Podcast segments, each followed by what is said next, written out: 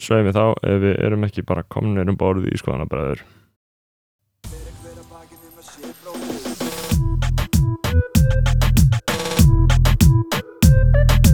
Fyrir hver að bakið um að sé bróður eigi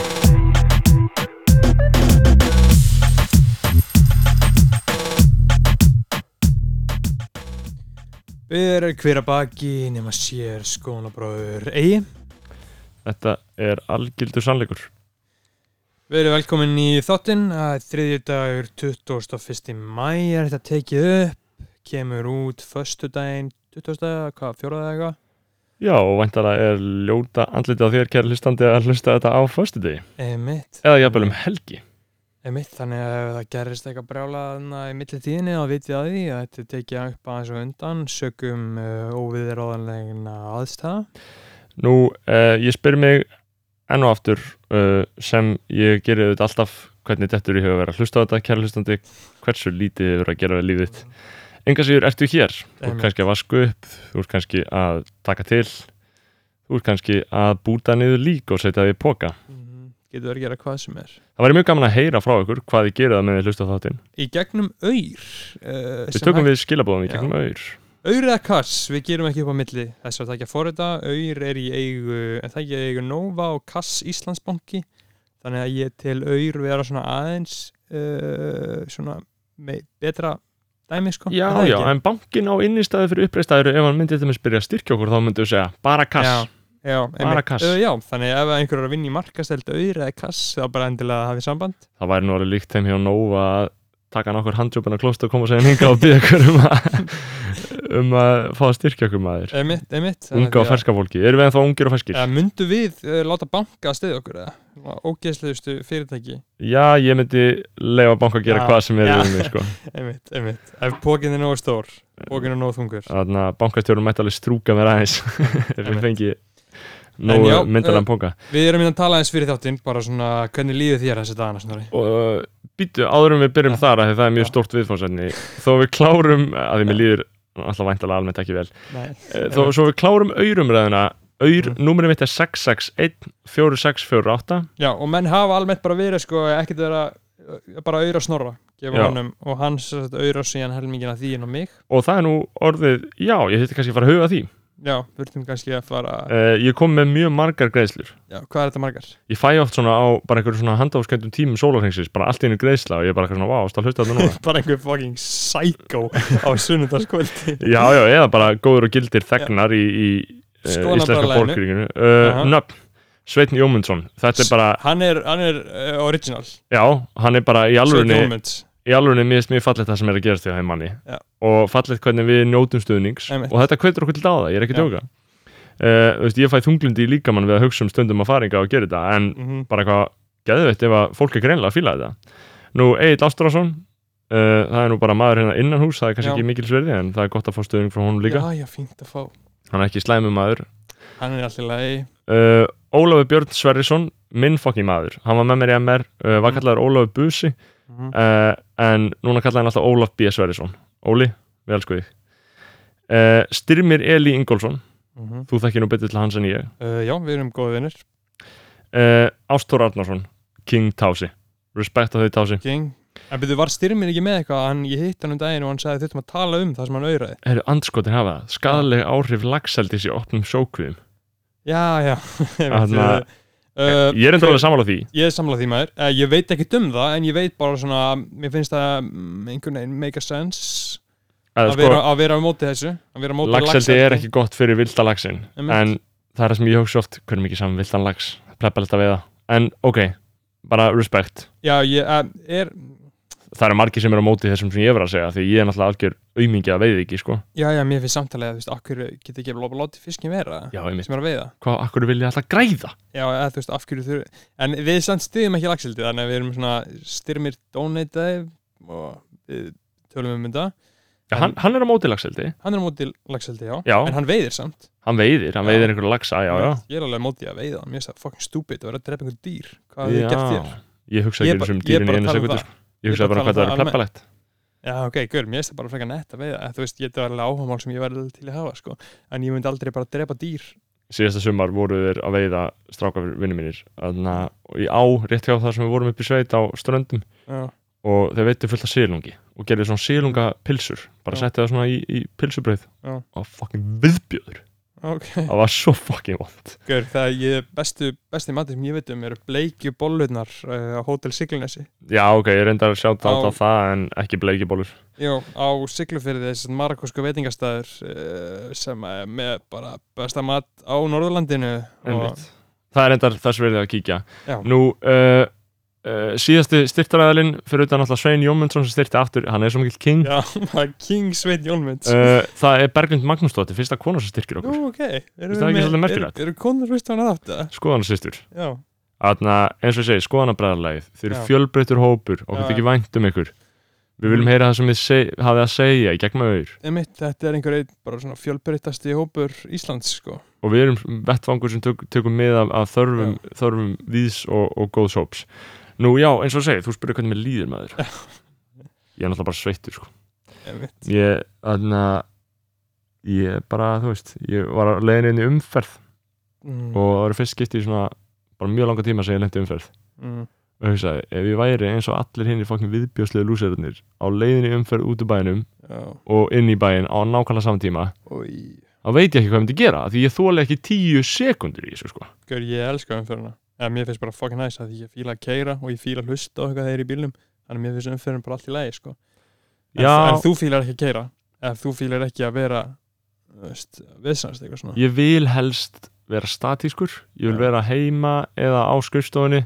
Já, þú veist, ég vil ekkert stús, ekkert vesen ekkert, ekkert að klungrast með einhverja helvitis hluti út í bíl eins og sumir elska að gera. Já ég fíla ég fíla alveg að gera það að vera í góðu skapi sko. þú vilt helst bara halda fjórum hlutum út í bíl sko. Já, já, þú eru að fara með á þrjá mismundi staði Nei, ég fæ bara kvíða sko. Já, uh, ég fíla. en þú, hvernig ertu, ertu búin að vera? Gaur, ég er búin að vera heldur ég er búin að vera með fæðingaþungliti sko. Já. skila einn bachelorritgerð. Ég fæ alltaf fæðingaþungliti þú fættir eina pappis rullu út úr raskatinu Jep, og ég, þú veist, ég myndi að tala um það við hana, mannin sem gerði stefið okkar uh, vorum í sundi vorum að, þú veist, hvað er, hvað er fyndið að vera þunglitur, skilur að því að maður lifir svo fucking epic lífi þegar maður spáður í, skilur. Að ég er bara, ok, já, ég er háskólamentaður rek mitt eigi fyrirtæki vinn með vinum mínum, skilur gerir þetta bara bí með í ókipis húsnæði, ókipis mat ókipis bíl, skilur og sér er maður bara, ég heita með eitthvað, óh, hvað er þungliður einmitt. Hugsa um að hugsa um að ekkert hafi tilgang já, einmitt, og að, maður sé ekki að fara rétt að leið. Einmitt, einmitt. En síðan er það líka munur, sko, þunglind og kvíða. Þunglind er mjög fyndið, sko að vera svona þunglindur þegar maður er með bara svona vægt, létt þunglindi, skilur eins og það er romantísk, romantísk hugmynd sko. eins og ég held að flesti séu með sko, en þegar að menn eru byrjar að vera með einhvern kvíða eins og ég var með í gamla dag sko, þegar maður var með kvíðan það er ógeðslegt með þér ég er kvíðað kongurinn sko það er ekkert fyndið að vera með kvíða sko. Nei, sko, ég talaði um það að þetta er líkamlega veiki já, sko. já, þetta er það sko þú færð sko Já. líkamlega viðbröð og bara ælir og, og, og bara, bara missir saur eins og bara veik manneskja Já. Þannig að ég, einmitt, ég held að skilin verði ansið sko óskýra milli líkamlegra og andlegra sjúkdóma í kvíðanum sko. Þokkalega sko, ég bara, bara einu sinni fengið svona kvíða kast á æminni sko. Já, það var tapasportnum það var fucking sjúkt sko. Það er bara svona upplifun sem ég munur aldrei gleyma sko. Að fá bara svona einhvern veginn uh, svona sting inn í magan fer upp í hausin, niður í tær. Sko það sem ég held að það sem fólk kvíl fattar ekki við kvíðakost og ég hef nú fengið ó, ófá. Þú hefur fengið nokkur? Já, ég hef bara fengið nokkur, skilur og það er bara staðreint, skilur ég, meina, fer, ég fer ekki til launkofa með það. Uh, þetta er bara eitthvað sem maður burðast með. Mm -hmm. uh, eins og segi, ekkert fyndið við þetta. Jó, þetta er þetta fucking fyndið maður. Kvíðin er fyndin kannski smá eftir á sko, Já, en en, málið er að þegar maður er í kvíðakasti þá er ekkert fyndið. Þú heldur raunverulega á sér að eðalga lífið og að lífið sé búið. Já. og þeir sem hafa fengið kvíðakost þeir Mhm. kannast við þetta um að gera og við ég er líka bara til staðar þannig að þið viti, þá er ég til staðar til að hlusta á ykkur ef þið viljið senda mér eitthvað, þá getið þið bara auðrað og senda ykkur sögurnar, senda ykkur sögurnar á kvíðanum Mm -hmm. gerið í gegnum auður, við höfum áhugað að hlusta þær Auraðkass, við gerum ekki upp á billi strax 661-4648 Já. eh, umferð, þunglindi, kvíði Já, já. Eh, lífið skoðanir, þetta eru okkar viðfánsefni hér í Einmitt. skoðanabræðurum Gestur okkar í dag, það er hann Logi Petró Stefánsson uh, King Lói Petró maður uh, tónlistamæður, ef við kynntum hann á við þurfum ekki að fara að kynna hann Nei, sko, að, Þið þekkið hann all að vita flesti hver hann er sko. Allir sem hafa áhuga, áhuga á skoðunum á Íslandi eru sérfræðingar að Loga Petró og Hann- þekkir hvert einasta skref hans í málum Já. uh, Eitt sem ég vil nefna þessu Pældi Mhm. öllu fólkinu sem hittir Loga förnum vegi sér hann eitthvað Já. og segir ekki neitt við hann en hefur lesið hver einasta ógeðslega margir. Ógeðslega af margir því að gaur, Lói með alveg hvað, tíus follower eða eitthvað Já, starta, Hann er autoritet í þeim skilningi sko. Einmitt, hann er með vikt í, þú veist, munurinn skilur, hann tweetar eitthvað, já, þeir eru flott hjá hattara og fær 300 læka, skilur. Þú myndir gera það, skilur. Með svo 5 læka, fólk, skilur. fólk væri eitthvað svona, er hann að vera kaltæðin eða er hann í geðvíkiskasti Einmitt. eitthvað svona, er hann, að hann en út af því að Lói Petru hann svona, hefur sannað sér smátt smátt og hann er með góða skoðanir, ég Já, sammála honum bara ein, öllu sko. Já, já. og hann, hann náttúrulega lifir sko, hann er með öðruvísi hann hefur lifað öðruvísi lífi þar sem hann er litaður. Já, og mjög fáir á Íslandi eru það. Og vantarlega upplifur kannski samfélagið öðruvísi með því að vera ég veit ekki hvernig maður á að tala í kring segja frá þessu en svona öðruvísi en aðeir allavega með öðruvísi litarhaft sko. já, ég held bara lífið horfið við þér uh, öðruvísi bara frá byrjun og ég held að og það, það, við, við ræðum það mjög Einmitt. ítalega í þessum þætti sem er framöndan ásamt bara Já. alls konar málefnum en þetta er bara mjög góð þáttur við förum tölum um hatara Og svo förum við- svo fyrir á mjög djúft persónlegt stig með loga á vissum tímpúti og Einmitt, tölum um fytufordóma, tölum um hórur, tölum um fatla, bara you fucking name it, sko. Við erum með það. Skoðanabröðurum er sjáum við til ekkert óviðkomandi Við höfum skoðanir á flestu. En ég hef ekkert svo miklu skoðanir henni, við tölum um flest. Nú, uh, það eru bara spennandi tíma framöndan þessi þáttur hérna kemur í loftið á föstudegi uh, Einmitt. þann, já, 20. og 4. mæ Einmitt, ég er að fara á Suðurlandið, ekki morgveldurinn, ég laka mjög mikið til. einmitt, Ég er að fara á Jökulsálón og Þorbergsetur og Skaftafell og höfn í Hópnafyrði. Ég er að fara að vinna af mér raskati Einmitt, á öflöðasta fréttameili landsins mbl.is einmitt. Uh, Uh, við ætlum að taka upp annan þátt á morgun. við tökum upp annað þátt á morgun sem uh, þið munum síðan heyra í þar næstu viku þannig að þetta verður æsa spennandi. Eða jafnvel ekki, við erum eftir að skoða fyrirkomulagi en, en kemur ljós. Það kemur En ljós.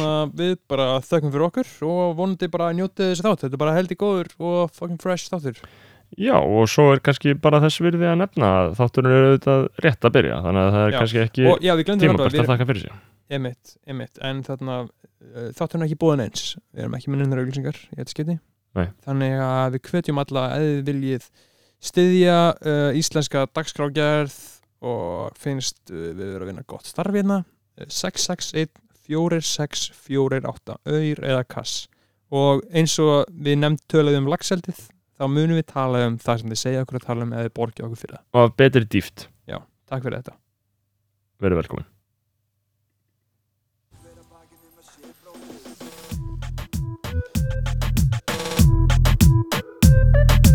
Fyrir hver að bakið um að sé bróður eigi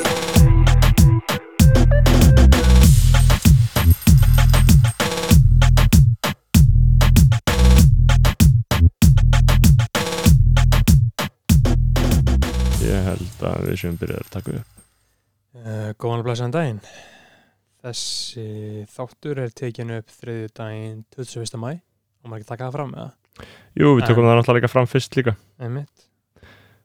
Einmitt. Uh, gestur skoðanabræðra er mjög góður í þetta skipti. Karlmaður vikunar er helviti ferskur. Karlmaður vikunar er Þrátt fyrir- listamæður, tónlistamæður, útásmæður. Þráttur ungan aldur hefur Logi Petró Stefánsson afrekað margt á ymsum sviðum. Spilum að veik lengi. eh, ég hata þegar þið tala um þrátt fyrir ungan aldur sko, af því að Logi er ekkert beint algjörlega ungur lengur. Eða hvað Logi, velkomin Takk. Uh, Er ég ungur? Ég myndi segja að ég var mjög ungur sko. A ert, young dog sko. Þú ert ungur og horfir á það sem gamalt fólk horfir á, sem hún skilja hvað ég meina. Já maður, ég, veist, ég var ungur að eilu líka. Já, maður. í viðtalið við morgunblæði þá, sagðist, þá var sagt um Jóhann Kristoffer sko, þrátt fyrir ungan aldur hefur hann afrekað margt. Og ég hugsaði, þú veist, get out of here þetta er ekkert það ungur aldur. Come er on maður, hann er samt, veist, við, hvað erum við? Ég, ég var 27 ára núna í ár. Fyrir að síga setni hluta uh, 20s Þið eru 27 Club, sko. Ég veit það, ég er mjög meðvitað um það sko. Þurfuð ekki að fara að drepa ykkur Holy Það passa ykkur enn betur. Jú, hérna ég, ég sé mjög með þetta um það hvað aldrei ég er á Ertu eitthvað búin að hugsa um um dauðana? Er ég búin að hugsa um það? Ég er mjög búin að hugsa mjög mikið um það, mjög oft Ertu hrættu við það? um, Já Þú veist, ég er hættur að etna, uh, veist, eftir ég náttúrulega var bara pappi skilur, þá vill maður ekki þú vilt ekki etna, þá er döðin veist, þetta er allt annað koncept skilur, þá ert ekki bara einn einhvern sem raskat það er sko. Það lítur að vera önnur tilfinning sko, af því að ég, þegar ég hugsa um dauðan þá hugsa ég, ok þú veist, fjölskyldumæli mínu var ekki mjög sáttir en ég var ekki beinliðin að fokka henni upp fyrir neitt, skilur um Nei, einmitt, Mm. Jú, jú, auðvitað fóröldur mann, skilur þið var ekki sáttir sko. En, en málið lítur um þetta að breytast þegar maður er komið bad Mhm. Já, ég veist, það er bara allt annað leikur skilur það, þú ert ekki að um raskat það sjálf þér það er allt annað fokkin leikur. Þetta er það sem ég er búin að segja, ég er að kveitja fólk bad neitt sko. Mæli með. Mhm. Já, en þannig það er mikið búið að gerast í vikunni. Já, auðvitað byrjum á alvarlega nótunum inn í skoðanabræðurum, Einmitt, uh, einmitt. byrjum á dauðanum og endum á lífinu. Uh, Það hefur dreil tíðind á ýmsum vettfangi í vikunni eins og Berður segir Einmitt, einmitt um, Eurovision var á laugardaginn, voru þið það? Fólk hefur ekki spáð í öðru sko. Nei Ég er bara búin að hugsa um það sko. Já, ég horfði að það sko Já, hvernig var sér? um, Mér fannst bara Vist bara gaman að horfa það ef ég var hinskilin, ég ætlaði ekkert að horfa á hann Nei. og ég horfði ekki að ég ætlaði að boykotta sko Já. ég, ég boykottaði íslensku e, undakjöfnuna, söngið með sjónsins al, alveg bara 100% sko Mhm. ég, bara, ég sá ekki þetta hataratriði fyrir en á, á þriðudaginn í síðustu viku þegar þið voru í undakjöfninni úti og, Mhm. og hérna ég meðast það bara mjög flott í þeim, atriði Mhm. bara, bara langflottasta Júrusson atrið sem að við höfum sendt út lengi og ég er búin að vera í dómnendinni ég hef verið í dómnendinni fyrir e, sengikend við sjóhansins tvisvar og alþjóð, alþjóðlegu dómnendina tvisvar held ég líka Já, ok einu svona tvisvar allana En dæmir þið ekki um anhæfan með því að segja þetta allir þessi flottast, flottast það Þú verður kannski ekki aftur. Ég, ég held að ég verði bara ekkert aftur hvað sem er sko. Ekki eftir þetta alveg þetta, er, þetta er alveg fjör og svona þetta er náttúrulega þetta bandgalinn keppnið sko, þetta er bandgalinn koncept þetta er ekkert, Er ekki frekar, eða hvernig er að vera í þessu dómnend? það er bara Þá gaman þarfst sko. að hlusta á þessi lög og horfa á þetta og pæ, pæli þessu. Já, maður er að hafa skoðan Ég, veist, málið með þessar domnendir og sé, ég sá það mjög skýrt á þessum atkvæðin sem að fjalliðu núna Mm. þegar að því að fyrst koma hérna, domnend atkvæðin Einmitt. þegar það er tala við hérna, stiðakinnina og, og hérna, ég, finnst alveg mjög skýrt þegar maður horfur á tölunar hérna, fyrir síma, símkostning og, svo, og frá domnend þessi, þessi domnend þessar domnendur eru bara út að aga sko. þetta er bara eitthvað fólk sem heldur að það viti hvað fólk vill en það veit ekki raskat sko. Hvað ég hugsaði það sko þegar ég sá um stíðin frá dómnendinni sem eru náttúrulega þessi stíg sem eru kynnt af stígakinnum hvers land skilur svo sérstaklega Ég hugsaði þú veist ok, annarkvort er þetta fucking riggað eða bara emmitt dómnendinar eru bara fólk sem hefur eh, enga listrana sín í neinum skilningi. Andjók, það er málið, þetta er bara einhverjur gaurar eins og ég nema þeir eru ekki jafn smekklir og ég. Ég er að segja ykkur það. Ég, og ég not even joking þegar ég segja það. Þetta er bara einhver gaur, þetta er bara einhver gaur í litáðin sem er bara eitthvað nei, þetta er ekki það sem að fólki Já. vill. Og bara eitthvað, nei, gaur, þú veist ekki um það sko. um, En hvað eru margir í þessu dómnend? hvað er margir í dómnendinni? það eru, þegar ég var í í sko alþjóðadómnendinni þá var þetta eitthvað ég manna það ekki, þetta voru eitthvað fjórir að fimm, Já, ok. fimm eða sex þetta er ekki það stórt Það, ég, ég er aldrei svona 50 nei, það er mitt málið að þetta sé margtækt Veistu, hvert land er bara með veist, þú velur bara einhverja fjóra eða fimm en þetta er búið að breytast mjög mikið síðan ég var ég var síðast Mm. 2012 eða 13 sko. mm. en uh, svo just í íslensku dónendinu þá er þetta eitthvað uh, svipað okay. skrítið sko, maður heldur alltaf að allt sem farið fram í heiminum sé gert að yfirlöðu og útugsuðu ráði en það er auðvitað bara fólk að gera eitthvað sko uh, þú veist, það er bara einhver, einhver rungari í litá en að segja nei, ég fíla ekki að það Þetta er svona með allt sko. Alveg eins og maður heldur sko að öll fyrirtæki Allt svona markasákarðanir og allt þetta dót sem ég gera Maður heldur allt þetta sé bara útreiknað Já þau eða þetta miklu pening og Einmitt. græða svona mikið pening og allt þetta en þú veist, það er ekki hannig sko nei maður, það, fólk er að winga þetta í Ja. öllu sko. allir að vinga allt sko. allir eru bara að winga allt sko. það er bara teknir einhver sér bara eh, já, spáum eitthvað við erum að winga þetta sitt í podcast skilur bara, hei, fáum lofa maður Já. ekki það, þú ert náttúrulega sér valinn, gestur já, thank you Já. Thank þú you. ert kallmaður vikunar góðu og kallmaður vekunar góðu kallmaður vikunar, þú hefur skoðanir logi ég meina, Mhm. eh, Ég þó, skoðanir, sko. þó eru þú kannski þú ert mikið á Twitter og eitthvað svona, eða ekki? Jú maður, ég er mikið á Twitter og ég, ég hérna Twitter er skemmtilegt sko. Já, finnst það. Þú veist, Já, ég- mér finnst það skemmtilegt, sko. bara af hverju ertu á Twitter? Ég er, ég er ekki á gaggrina, ég spyr bara hvað hva gerir þetta fyrir þig? Ég bara, veist, má- málið er með mig að ég hef verið bara svona internetbarn og ég ólst bara hefi upp á spjallborðum. Var að mikið á veist, bæði erlendu spjallborðum og íslenskum spjallborðum höfubúturis bentisborð og veist eitthvað Nike Talk og kanni það og mér finnst bara gaman veist, að vera nettin og mér finnst gaman að að talk shit sko, já, skilur já, en svo hérna það sem finnir maður, ég er búin að vera að hugsa svo mikið um þetta. Það var um daginn eitthvað eitthvað gauður sem að setja eitthvað svona fótballtælið en það góða fólksins eða eitthvað. Og, og hérna og var með eitthvað svona Twitter einhverja Twitter karaktera og ég var hérna á hægri kant sko, og góða fólkinu með og ég hugsa með shit maður people don't even know sko, Já. fólk veit ekki hvað ég er hvað ég er eins og stattur sko. Nei. En þú ert talin vera uh, sem sagt, svona forsprakki góða fólksins ég tala með fórspræki góða fólksins já, hvernig líður með það? Mér finnst það bara funny sko Já, Mér finnst það- bara. það crazy sko Mér finnst það crazy, mér finnst það funny Mér finnst það ákveðum miskilingur sko já, en, en ég meina veist, ég, ég bara kannski órætti við að talk shit og það, þess að á maður að vera góða fólki sko mm. Er er það- það líka, er er Sentilmenn eða þá Twitter eða? Já, já, hann er það sko hann er nú alveg þá, hann breytir náttúrulega tagginu sín, hann heitir ekki hann heitir Sentinel ekki lengur, sko. Sentilmenn lengur einmitt. hann er bara Haukur Bragason já, held ég sko, hann er bara eitthvað hann fokki er alveg hættur. Hann, var, hann, hann er í góða fólkin, hann var samt alveg svona einhvern veginn að alveg að reyta menn til reyðis sko auðvitað, ég meina þeir sem eru í góða fólkinu flesti kallan sem eru í góða fólkinu þeir hafa verið að kasta skíti allir í kringu sig, og svo vill til að þeir hoppa þetta wave og þetta er ekki eins og wave, þetta er bara eitthvað svona almennt réttlæti, bara, bara eins og ég á sínum tíma og, og kannski Hrafn Jónsson og Twitter, ég meina þetta er ekkit, þessi, þessi menn far ekki blíðum orðum um nokkuð skapaðan hlut. Nei, mitt, æ, þetta er líka bara veist, Þetta hugtak er svo óksla brotið maður. Þú getur ekki verið að tala um góða fólki það er einhver gaur eins og Donald Trump er fórsetið Þú getur ekki verið að tala um góða fólki það er bara eitthvað það er búið að banna fósturrengar Alabama. Þá er maður eitthvað, ok, hvað er í góða fólki ég fyrir að segja bara, hey, that's fucked up, skilur du það er ekki bara fucking skítu á Reddit fólki sem tekur ekki undir það? Mm.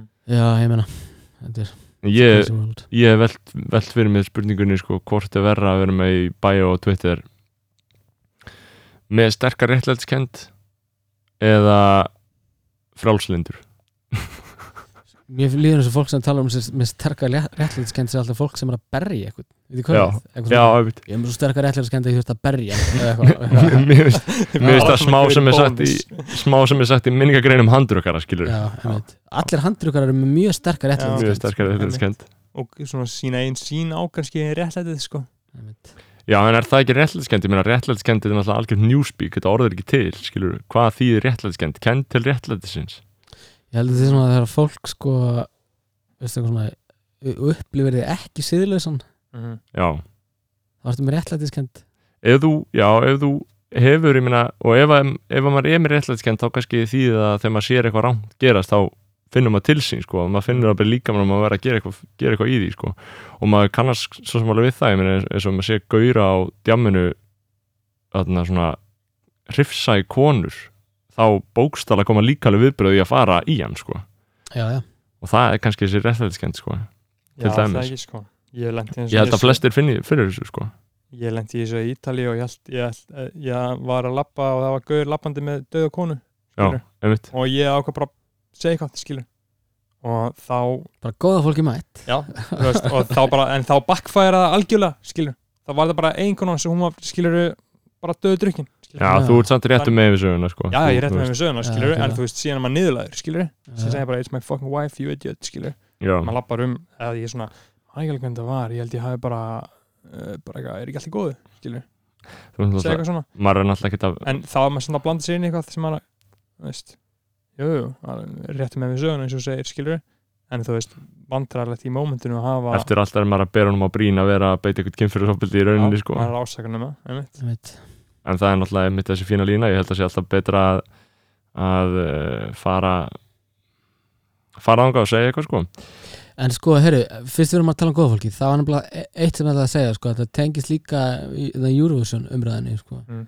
þetta helst í hendur uh, etna að því Eurovision var náttúrulega gangi núna um síðustelgi og, og mér svo fyndið að fylgjast með sagt, eh, viðbröðunum eftir þetta eh, klúta Palestínu klúta fána veif mm -hmm. fána flagg þegar að etna, hvernig þetta skiptist sko Mm. og þetta er svona að því að mér finnst- þetta svo merkilegt dæmi sko að, að sitja bara og horfa á söngukeppnina etna, á rúf og svo bara, bara hatari og bara dush, og þeir bara taka einhvern fána og þá eru bara allt brjálað Einmitt. og ég var bara eitthvað, damn, þetta er bara þetta er eitt að bara geggjast sem hefur gerst fyrir málstað palestinumanna, veist, þetta er bara þetta er bara eitthvað svona miljón dollara byrting á bara eitthvað svona, hei, þeir eru búin að vera með eitthvað keppni í gangi í 2-3 tíma og svo kom einhver íslenski guttar og ná að bara svona brjóta, veist, bara Mhm. gleri ímyndir og gler hjúpin með bara eitthvað svona vefa fána og allir eru bara fuck og allir, allir fréttameilar með fréttir um það. Og, og bara þetta er bara byrting sem að bara, veist, getur ekki keift þessa auðlýsingur skilur alls ekki. Og, fleiri hundru miljóna að horfa á sko. Já, og þetta bara rústar öllu sem að Ísrael er búin að vinna með Mhm. upp þessari kefni en svo verður umræðan um þetta eftir þetta bara eitthvað, heyrðu palestinumenn báðum að við myndum ekki gera það. Og ég, maður horfði á bara eitthvað svona chamber geta sig mm. bara eitthvað svona einhverjum vinstri menn að brotni einhverjar að klopni einhverjar fylkingar og geta hvern annan. Og maður hugsa, með- ég hugsa með mig bara, séð með þér þetta er ástæður að góða fólki, þetta vinstri menn munu aldrei gera neitt. Nei. en þetta er líka bara út af því að þetta sannar bara það að saman hvað það gerir, það er alltaf eitthvað fólk. Saman hvað svo gott það er eins og þetta, skilur við það er ekkert rétt. Það er ekki hægt þú getur ekki gert neitt. Stundum getur maður bara ekki unnið. Þú bara Nei. getur ekki unnið auðvitað getur ekki unnið, ég meina þetta er auðvitað, sko, eðlumál samkvæmt og getur sá vestræni maður sem ætlar að uh, nota hennar vettvang til þess að annars vegar hjálpa Palestínu og hins vegar koma sjálfum sér framfæri, auðvitað getur hann ekki unnið. Það er bara staða sem hann getur ekki unnið í. Hins vegar er það algjörlega óumdeinalegt að þetta var mjög jákvægt skref. Og það er líka algjörlega óumdeinalegt að uh, betra hefði verið að rúf uh, sniðgengi þetta en svo er það líka hvort það hefði vakið minnið að meiri aðtekli Já, ég, þetta var svo fyndið, ég held nefnilega þegar að söngukeppni sjóhansins var í gangi þegar íslenska fórkeppnin var í gangi að, að ég held að fólk ætlaði bara að sniðganga, ég held að það var bara eitthvað svona ég, bara var eitthvað, þetta er í Ísrael man, mér, mér langar bara ekki að taka það í þessu. Þetta er bara eitthvað, þú þarft ekki að googla lengi til þess að fatta bara að ástandi sem er í Ísrael er bara, veist, þetta er bara hræðilegt og hérna, ástandi sem er í Palestínu segi en uh, hérna uh, ég fatta það bara í árslutukvöldinu eða eitthvað. Bara þegar ég kýtta hennar tólst í hashtagið eða eitthvað, bara já, ok. Mm. people don't really care, skilur. Eða, veist, Nei. þetta er ekki, veist, þetta mun ekki virka. Þessi Nei. sniðganga veist, þetta sem að fólk, við erum búin að vera að fara fram á og berjast fyrir þetta er ekki að hitta, sko. Þetta, mun, þetta mun ekki alveg ganga upp það er svo auðvelt fyrir fólk. Einmitt að sneggangu ekki. Skilur við hvað nákvæmlega, þetta var eitthvað svo það var ekkert það mikið shame í skilur nei, það var engin eitthvað það mikið að shame fólk fyrir að horfa á þetta sko. Nei, alls ekki. Og ég held veist, að fyrir mitt leiti, að þess að það var að segja eitthvað hvað, sniðgöngur hefingin á að gera það neitt, en þá held ég samt að í, í svona máli sem er svona veist, bara, veist, við, lifum á tímum internetsins, ma maður þarf alltaf að aðlaða sig sko. og ég held að, held að hérna, þetta hatar múið hælu eftir að hekja var ég bara eitthvað bara já, þeir gerðu þetta skilur. mm. þetta var feitt, þetta var feitt, þetta var feitt þetta Það- var það- fucking epic sko. það getur engin sagt að þetta hafi gerið feitt bara, bara hugsa um hennar fána og þetta, þetta skjáskot þetta, Mm. þessa, þessa mynd þar sem við eru þarna sko. þetta er bara ákveðið augnablik í menningunni sko. um, Einmitt. og líka bara, sorry ég segi fannum ég fyrir, en bara þetta moment þegar veist, keppnin er búin það eru þrýr hlutir að trenda á netinu. Það er Eurovision Song Contest Hatari og Ísrael. Mm. skilur við, þetta er worldwide trendin á Twitter í heiminum, þetta er sem fólk er að tala mest um á Twitter í heiminum. Eh, allir stærstu fréttamælanir eru með fréttina bara Eurovision var að klárast þetta sem gerðist eða Hattari gerði þetta á Eurovision. Veist, það er varla að tekið fram að fokkin Holland vann skiljiði. Það Og- alltaf öllum drull. Og það, veist, við vitum að við erum öll saman um það að fyrir Ísrael og það var þessi keppni tækifæri á að, á að kvítþósi og bara veist, að presentera Ísrael eins og Ísrael vill að þessi presenterað en það rústast þetta Mhm. í raunin að einhver leiti rústast þetta þegar Það- þetta er það sem fólk er að tala um. Í rauninni sko. Og sko ef einhver trúir því ekki að Ísrael hafi verið að hvítþó sig í alvörunni fara að horfa aftur á keppnina og hlusta gömgefilega orðræðu kinnana og Madonnu þetta viðtal er mesta ógeð sem ég veit um viðtal við Madonnu sko þarna í, þegar hún er inn í eh, græna herbygginu sko eitthvað eh, music is always united power eitthvað wow hvað þetta er mesta fucking bullshit sem ég veit um það að vera að drepa fólk á, hinu, á næsta hodni en uh, hattarinn náði svipurinn á kinninu líka eftir svona mi- miklaður einhvern veginn já, þannig að það var sko. En það var, núna er til dæmis út af þetta vakti það mikla umræði bara til dæmis á Íslandi það myndi engin svona seðmentaður Íslandingur fara til Ísrael í dag. Sem ég nei, held að margir hefðu gert fyrir keppnina bara aðeins svona hort fram hjá þessu en það myndi engin, ég myndi ekki, mér myndi ekki þetta í hug að fara til Ísrael. Nei, myndi meina og, og, og við sjáum að líka alveg bara veist, að svona alþjóða þrýstingur skipt, eða, veist, virkar. Og, og eitna, við sjáum að náttúrulega bara skýrast með, með Suður-Afrika á sínum tíma. En heiminum er þetta búin að breytast og þetta er miklu erfiðari veðferð en, en að veist, þegar þú ert með bara eitthvað þú ert með þessa áróðusmaskinu sem er í gangi en að Mm. uh, veist, þá ég held ofta okkur vanti einhverja aðra nálgun en bara veist, þessi nálgun sem var allan að kalla fyrir uh, í, í þessu tilviki sem var sniðgangan að við þurftum eitthvað sterkara sko. já, já, og þetta var allan stert. Og þetta hittaði almenning. Ég meina við vitum það, hitt hefði kannski ekki gert á samhátt en við vitum náttúrulega líka bara að Ísrael hefur verið að reka margra miljardar króna herferðir, ímyndarherferðir um allan heim bara frá því 1960 sko, sko að Ísrael er með svona heavy svona vegan uh, paradís. Já, já, eftir þeir, að ég join einhverju nokkur svona var eitthvað svona þá fæ ég bara Ísrael ógeðslega mikið auðlýsingum að Ísrael sé bara besta vegan land í alheiminum skilur sem að er bóttið ekki sko þeir keira á vegan, þeir keira Já. LBGT.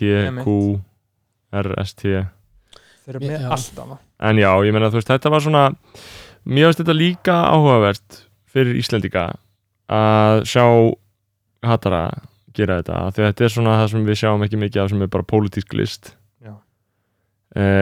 Eh, rapparar eru ekki mikið að veifa pólitísku fánum eh, jú, jú, ég meina erpur já, sko. erpur á sín tíma en ég meina það er ekki eins og rapparar séu mikið að koma inn af miklum þunga í þjóðfélagsumræðin og breyta hlutunum eins og maður setja með stundum á Twitter í bandaríkjun þá koma, og jú, vissulega hefur þú verið að gera það logi, sko, en ég meina eins og í bandaríkjun þá kemur það var bara síðast núna, það var offset þá kemur hann á Twitter og segir eitthvað um fósturrenga skilur og fær 100.000 faves og það er svona, ég held að það hafi mikil áhrif þar þegar menn Mm. blanda sér í umræðina ekki það að bandaríski rappar að gera þetta miklu mæli en ég meina, þú veist, þetta er alveg það er eitthvað um þetta hérna logi en Já, nákvæmlega. Ég held líka eitna, með þetta sko að veist, í getnum tíðina hefur þetta bara alltaf verið svona veist, listafólk er að tjá sig og, og það er oftast á svona frjálslindari og sko kannski svona veist,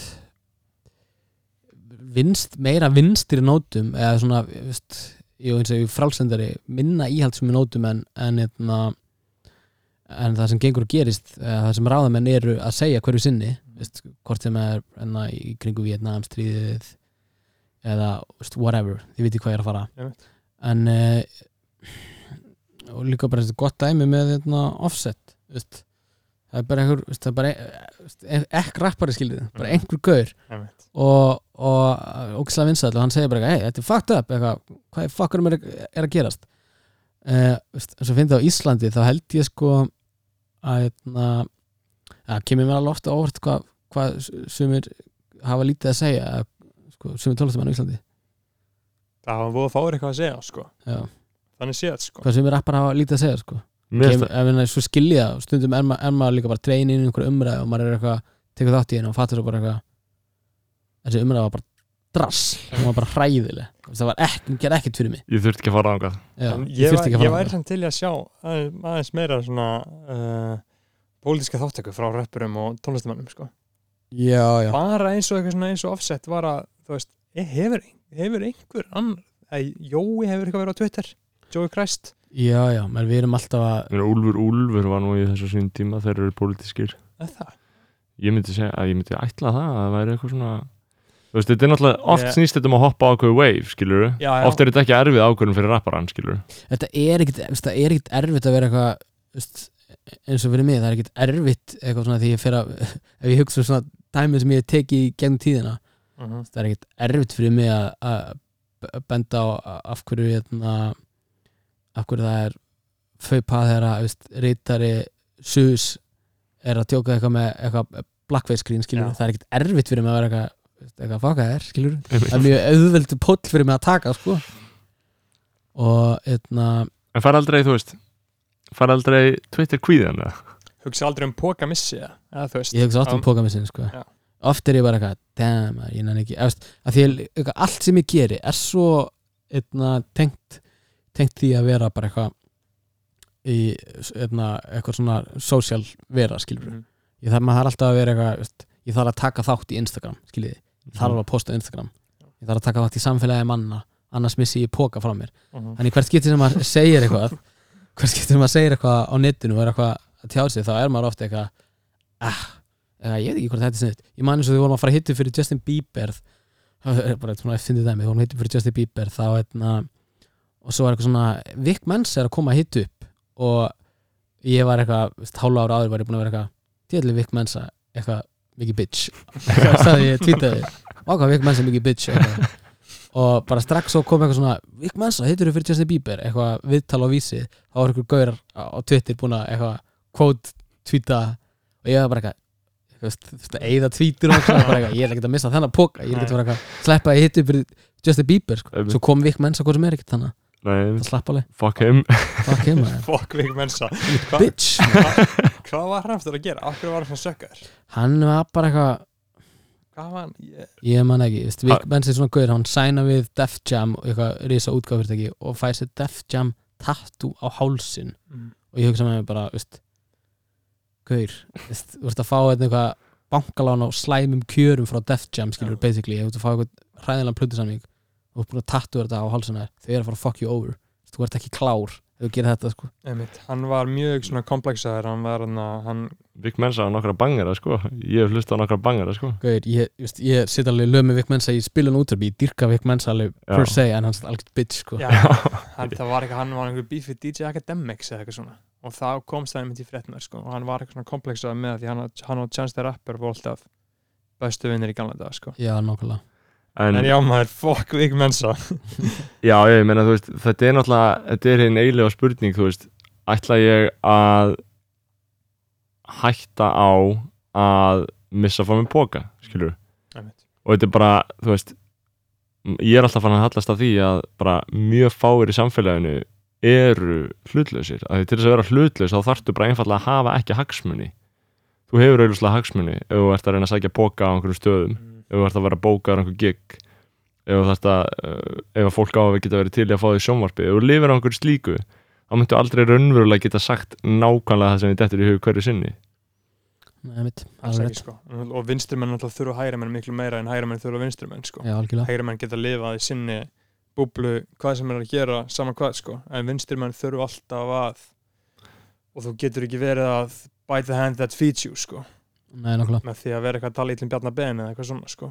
Nei, veist, líka bara veist, ef, ef, ef ég á að fara að spila á einhverju ársatíði skiluru þá get ég ekki verið búin að vera hérna, veist, það er allir svo tengdir í Íslandi veist, ef ég er að fara að spila á einhverju ársatíð þá er það hræðilegt ef ég er búin að vera eitthvað að skítið yfir eitthvað. Ég sagði til þess fyrir mörgum árum á Twitter eitthvað, það var eitthvað ársatíð hjá hérna, Orator eða eitthvað löffræði og ég ég ánæður að vera ekki á Orator eitthvað auðvitað, skilur við bara eitthvað basic eðli dæmi. málsamkvæmt Eh, lögfræðingar eru viðbjörnslist í ett en svo hérna eitthvað árið setna þá fæ ég bara eitthvað quote tweet og einhver, frá einhver löffræðingum á fucking oratur ástættinni ennþá bara pæli í þessu og ég var bara "Ah, nákvæmlega, skiljið, einmitt. Bara gott. Og svo bara fyrir núna fyrir nokkrum mánuðum þá var eitthvað, hei, það er koma en það bókun en það er orator er eitthvað að tjekka hvort þið getur komið að spila á ástættinu og ég var bara, ah. Ég er búin að fokka því upp, skilur upp fyrir, fyrirfram. En svo er ég næst, næsta sem ég er hugsað bara Ég get alveg farið í löffræði, mér finnst það spennandi fað, eitthvað, skiljið Ég maður, Það er oft sem maður segir eitthvað á Twitter þegar maður er eitthvað svona shit tólka og bara, svo breytist allt. Breytist allt. Breytist allt og ég, það, veist, ég hef alveg það verið bara mjög næst að spila á þessari ástæði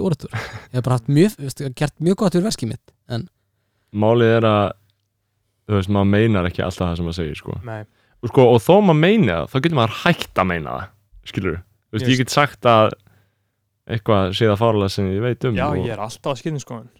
Og það er hræðilt að fólk eitthvað að kóla mann átt fyrir að skipta um einhverja skoðun. Já, nákvæmlega. Bara um hvað sem er, ég er bara þeir elska þegar maður skiptir um skoðun Já, ég veit það.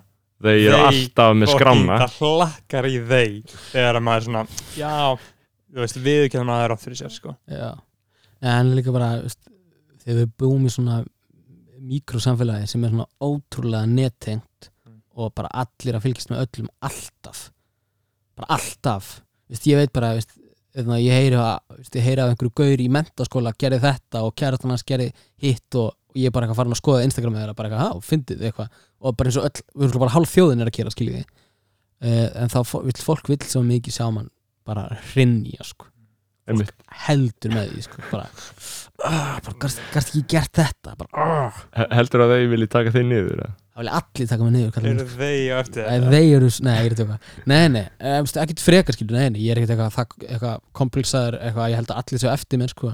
en, eh, en veist, ég held samt að, að veist, það er mjög stutt í þorðagleðinu okkur öllum sko. sko það er náttúrulega bara eðli mannsins sko. En það fer líka, það fer eftir hver það er hversu vel maður líkar vel við hann sko. Mér líkaði mjög vel við Björn Braga. Já, leiðilt að, mjög leiðilt sem þetta gerist við hann. Já, maður mér, eh, talum hann tvo þættir Skulum ekki fara til það sko. Stafið, það segir meir um okkur en hann. Já, en, en bara svona en bara svona dæmi um að það fer eftir því, sko, hver mann sér er svona gerist við, hvort maður er cancelled eða ekki sko. Já, hver, ég, sko, veist, eins og með, með þetta björnbræðadæmi veist, ég hef bara gett sagt, bara geðið glæði bara, hef ekki tjáð mig um það, vil ekki tjáð mig um það mm. og, og veist, ekki af því ég held með honum með hinnum, ég veist, þetta er bara eitthvað svona veist, það er bara einhver umræða og ég ætla ekki að taka þátt í henni en, uh, en eitt sem ég get sagt og það er alltaf þetta cancel dæmi er náttúrulega bara stór fucking hættulegt sko. og, og, og eins mikið og maður vill stundu vera bara eitthvað pro, þú ert bara problematic sko. ég vil ekki hafa þig bara, við verðum bara að cancela þér þá þarf maður samt líka veist, þá vill maður líka samt ekki veist, maður vill taka þátt í einhvers konar samfélagi og eða einhver dyrskur sem maður snýst ekki um það að sko bara bannfæra fólk veist, senda fólk bara í einhverja útlegð það, það er svo fucking problematic. Það er eitthvað sem að er alltaf reyna að einna, beita nei, sko, bæta úr og breyta. Ég held að það sé að skána sko og ég held líka eins og þú veist eins og þú segir skilur bara með þetta mál ég, meina, ég ætla ekki að taka afstöðu. Þú veist og það er bara allir læg stundum bara já nei ég ætla ekki að taka afstöðu til þessa máls ég, ég hringdi í Guðuna TH að því ég var að vinna núna og baði hann um afstöðu til hatara þú veist. Ég var bara hvað finnst þér um það sem hataði gerði hatari gerði og hann sagði bara orðrétt bara þetta er eitt af þeim málum sem ég þarf blessunlega ekki að taka afstöðu til. Nákvæmlega, hann er bara nei, næs, þarf ekki að segja neitt alveg sama. Nákvæmlega. Ég hugsa stundum sko eitna, í svona málum þegar að veist, maður er að einhver svona samræður og eitthvað og, eða þegar maður tjáðu sig um eitthvað það er líka svo margi sem að ætlast til þess að fá eitthvað einhver afstöðu frá manni sko, einhver svona bara veist, á Twitter. Það er bara einhver, veist, maður segir eitthvað skilur maður segir eitthvað hérna, já, eins og um daginn, ég tweetaði eitthvað hérna já, eitthvað, mér hattar er bara að hafa staðið sér frekar vel eitthvað í að hérna tala eins og þeir vilja og, og veist, benda á, á ræðilegt ástand í Ísrael jari, jari, jara, og ég sá atriðinu, mér finnst það flott. Svo er einhver sem tvítur á mann. Hvar, hvar voru þeir að gera það? Og maður er eitthvað ég nenni ekki að svara þér, ég skilur ég, við, ég nenni ekki að taka þátt í einhversu diskurs um og það. líka, og líka, maður ætti líka að fá að segja þú ert ekki vinur minn, ég nenni ekki að tala við þú veist, ég þekkjum þess ekki, þú ert ekki vinur minn ég nenni ekki að tala við ég er jafnvel bara að setja það inn fyrir vinnu mína Mér finnst þetta samt sko eins og þau máttu að tala um svona cancelling dæmi. Mér finnst það mjög skemmtilegt umræfni sko en þarna það er eins og við séum áróttu fyrir því þáttum, Ég er alveg með á tala það, um- þetta er svo mikilvægt skilur Þú veist, maður verður einhvern veginn að finna eins og fyrir kannski tveimur árum þá var ég mjög hrættur við að að ég tweetaði einhvern veginn um að ég elskaði Kodak Black þegar ég var á Twitter sko og var seimaði fyrir það. Bara, það var bara svarað með bara linkum á það sem hann hefði gert skilur, og hann hefði gert hræðilega hluti ég hlusta sem á hann skilur ég ger í dag, ég hlusta á mjög mikið af röppurum sem eru sjúkir ofbeldismenn. Ég hlusta á XX Tentacion, Kodak Black 6ix9ine var minn maður sko. En ég einhvern veginn ég viðkenna alveg núna, ég hlusta á alltaf þetta dót skilur, en fyrir svona tveimur árum var ég mjög svona hrættur við var ég svona freka mikið að fíla þetta í leini en nú liðið mér einhvern veginn eins og ég, þú veist, ég skuldi ekki neinum að raukstiða það af hverju ég hlusta á þetta og af hverju ég stiði þetta ég skilði þið sko, ég skilði þið ég hefna veist, þetta er svona umræð uh, sérstaklega með allir þess að gauri sem þú nefndi sem ég er eitthvað svona veist, veist, bara tæpi eru fucking hræðilega menn Já. mikið aðeins skilur og mi- veist, mikið þessu er bara eitthvað svona já, veist Aron veist, mér líkar ekki við þá. Mm ég reyni kannski, veist, eða er eins og bara með Chris Brown sem dæmi. Mm.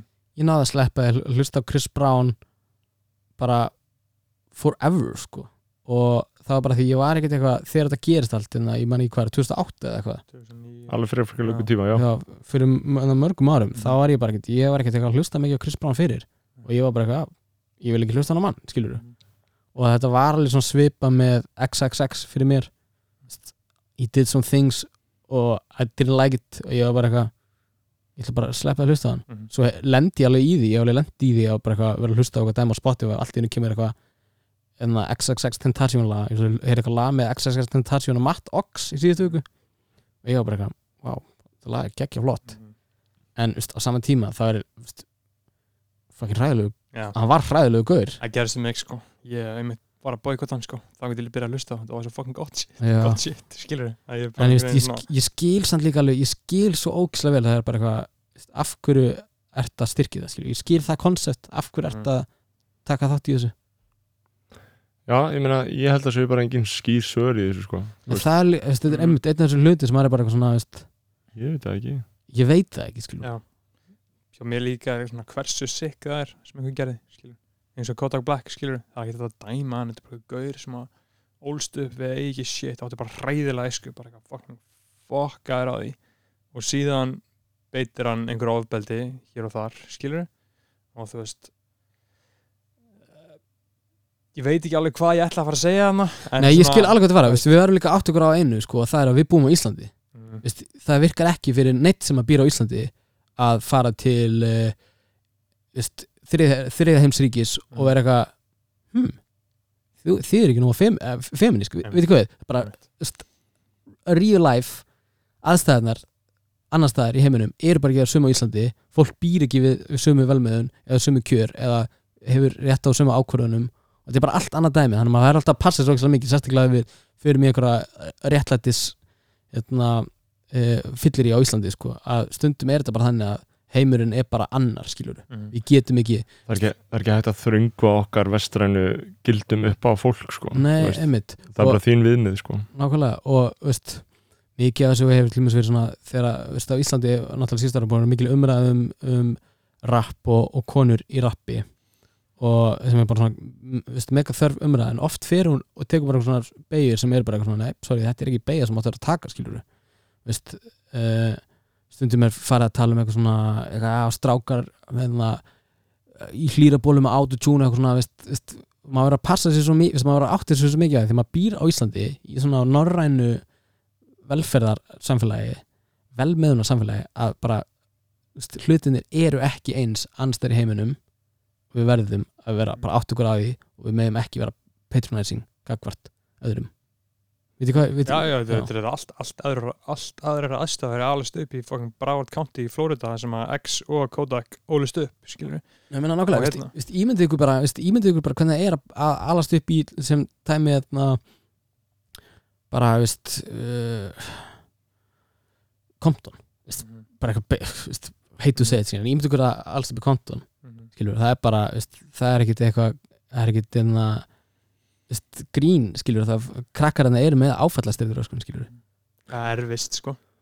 Já, ég meina er bara Tráma erfist í marga Mhm. kynnslóður að það, sko. Ég meina veist, bara tráma sem á sér stað í, í mikið af þessum samfélögum sem að við erum að hlusta á fólk frá er bara yfirgengilegt skilur og þess vegna verðum við oft bara eitthvað svona bara off for high horses Mhm. og bara veist, enjoy the art sko. það er líka það sem gerir kannski listina sérstaka það er, það er náttúrulega það sem orka tvímælis í þessu er að viðbjörun gerir þetta svona fallegt sko og Já, menna, veist, bara svona skýrasta dæmið sem við höfum um, um kannski þetta sem ég er að tala um og, og svona við getum horta á í retrospektív er bara NWA Mhm. veist, bara, veist, fuck the police skilur bara þetta lag veist, bara LA Riots allt þetta dæmi sem er í gangi þarna á þessum tíma early 90s í, í Kaliforníu.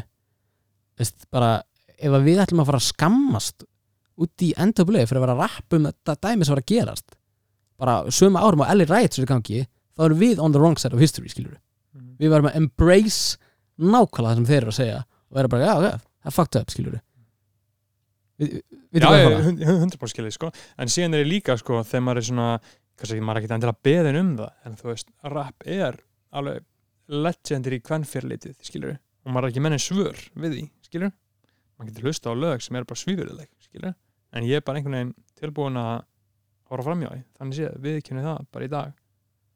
En þú, hvernig, hvað sem þú þar skilur, hvernig, hvernig getur maður raukstuð það að ég lendi eins og ég sko að hérna, ég var eitthvað að DJ á príkinu Mm. svo bara ég heim eitthvað, opna Twitter þá er bara einhver búin að vera tweeta á mig bara eitthvað er bara hvað er að þér að vera að spila þetta spila þessu ógeðslegu lög? Og bara eitthvað svona kvótar eitthvað texta bara eitthvað, eitthvað short nigga bara maður dick tall eða eitthvað skilur og maður bara eitthvað, "Ar- veist, mér er skýt Mhm. sama. Bara eitthvað, whatever maður. Og ég upplifði bara eitthvað svona við erum með það í einhverju rókraskati lengst út í heimi og ætla þú að fara eitthvað að skamma mig fyrir að spila eitthvað Eisa Brokkila bara, Mhm. come on. Líka þú veist eitthvað, þetta er svo þetta er svo skrifað í skíin að þetta mun mistúlkast yfir menningar þú veist, við erum með stick talk eftir future skilur, stick talk, stick þá því bissa væntalega það ekki, Mhm. það sem hann er að tala um bissuna, þetta er bissutal ok, frumforsendan er að við skiljum ekki bissutal ok, svo heldur að læga áfram og þetta er úr þessum menningarheim sem future kemur úr, þetta er Atlanta þetta er bara eitthvað bissutal og svo kemur aðna I ain't got no manners for these sluts. I'm gonna put a thumb in her butt. Og allir Já. klikkast á klúbnum. Já. allir sturlast þegar styrktál kemur. Ég fer af staðnum sem ég er á að fer á dansskóli þegar styrktál kemur. Og það er ekki að því að lægið er kvennfyrirliti, það er að því lægið tjáir einhverja, einhvern viðbjóðslega sannleik í lífinu, bara sticktalk þetta er bara einhver, þetta er bara einhver þú veist, þú fær bara eitthvað, eitthvað eitthna, innlit í einhvern hugurheim skilur sem við myndir aldrei annars Þetta er einhver Kynnast, svona liftur sín í einhver svona einhver ofbeldis, einhvern ofbeldisveruleika Mm. sem er mér fullkomlega utan seilingar. Algjörlega maður. En svo er eitt, sko, eitt sem að ég held að verum líka að, að fara að gera meira af öll saman öll sumul segi er, að- er að bara get off for high horses öll sumul sko. Veist, ég er búin að hugsa um síðustu vikur mikið um sko e, sex work það er alveg bara Við erum að fara að tala aftur um það Þú voru að tala, já, þið voru að tala með Lóu eða Já, hvað? já, já, við höfum- ég átti þetta, að sko. hlusta það en ég hef eitthvað aðeins aðeins, við erum aðeins verið að ræða þetta á Mhm. skrifstofunni en bara, veist, veist þetta er alltaf að breytast með þér og veist, eins og bara, ef, ef ég ætti að sumera bara hvað mér finnst um sex work núna það er bara, veist bara, bara tryggjum réttindi Já. fólk sem vill vinna í kynlífi eða með kynlíf eða klám bara tryggjum réttindi þeirra, nummer 1, 2 og 3 af því að það er það, eru til, það er bara hægt þú getur gert þetta þú getur unnið í þessu án þess að vera kúður Já, Já, þú veist, hver, hver var, hver var, niðurstæðin okkur? sko niðurstofan okkur var var svo að við, Engin, við, alltaf. við settum spurningamerki við Já. tilvist hamingjusömmu hórunar Já. Það er mikið sama hóran er líka bara þetta er fucking hut þetta er helvitis hut og, og náttúrulega tekur svolítið líka kúunar vinkilin í þetta sem er náttúrulega líka staðrendin er að sömur gera þetta á einhvers konar sjálfstæðum kynferðslegum grundvelli. Þeir hljóta nú að vera ansi fáir eða þær en einhver síður þá er ég líka samála því að það þarf auðvitað að búa til einhverju umgjörð utan að þetta þar sem að þú getur til dæmis tilkynnt er verið að brjóta þér í þessari vinnu en þú getur ekki gert það ef að nákvæmlega, veist, þetta, er, þetta, er, þetta er bara sama, sama teiku á afklæpa væðingu e Mm. eitulífa Og þetta er líka náttúrulega sko að styðja eitthvað og vera á móti einhverju, eins og til dæmis ég er á móti áfengi, skilur já, já. en tilvist þessi er alveg sama þú veist, ég er á móti einhver svona brenglari útlitsstyrkun já, nákvæmlega. Skiljið hvað ég meina að, að, veist, að vera á móti einhverju er kannski annað og að svona einhvern veginn taka þátt í. Nei, ég skilji bara 100 p sko. Ég meina, við, við, eins og vorum að náðan þetta podcast Mm. fyrir gang, við, við drekkum hvori sko. en, en við langar samt að, að sjá vín í búðir sko. Já, mér, mér líka sko. Og ég vil helst sko að þú veist þegar maður er með vinsinum á föstudegi skiljum ég vil að fólk sé að drekka skiljum Hver, ég það vil að fólk sé að drekka, ég vil að fólk sé að þetta sveppi skilur, ég vil að fólk sé þess að fá sér í nös eða vitt Ég geri alvarlega aðtöðsendur það sem er að koma hérna fram. Nei, mér, mér, ég bara, veist, þegar ég bjó í Berlín Mm. dæmi, þegar ég bjó í Berlín við fá skipti sem ég hef aldrei sem, notum ég hef aldrei, aldrei tekið kókan Mhm. aldrei, en þegar ég bjó í Berlín og þá upplýði ég svona fyrsta skipti að ég var á einhvern veginn klubbi og það var eitthvað lið sem var að taka fá sér í nös í, í kringum mig. Og ég var bara eitthvað, þetta er ekki weird. Þú eru vini eða? nei, ekki vinnir mér, bara eitthvað svona lið bara, ég stegi bara eitthvað lið, Já, það já. bara eitthvað klubb og bara eitthvað lið mætti hann til að dansa og have fun og það er að fá sér eitulif ekki það ekkert weird við það. Mm, Ég er eiginlega ósamla Ég- ég- en málið er, Ég það var að því ég var í Berlín Já, já. þegar ég er á Íslandi ef ég mæti á fucking einhvern ónefndan stað og, mm, og allir eru kókaðar að inni þá er ég bara eitthvað, já, ég vil ekki vera hér. Nei. ég vil get the fuck out of here. Og þetta er ofli bara svona umgjörðin í kringum umgjörðin og umhverfið í kringum Ég, ég hef alveg fengið tilfinninguna drugs sko. Ég hef aldrei tekið kókain hættur Ég ég hef alveg fengið tilfinninguna á Íslandi.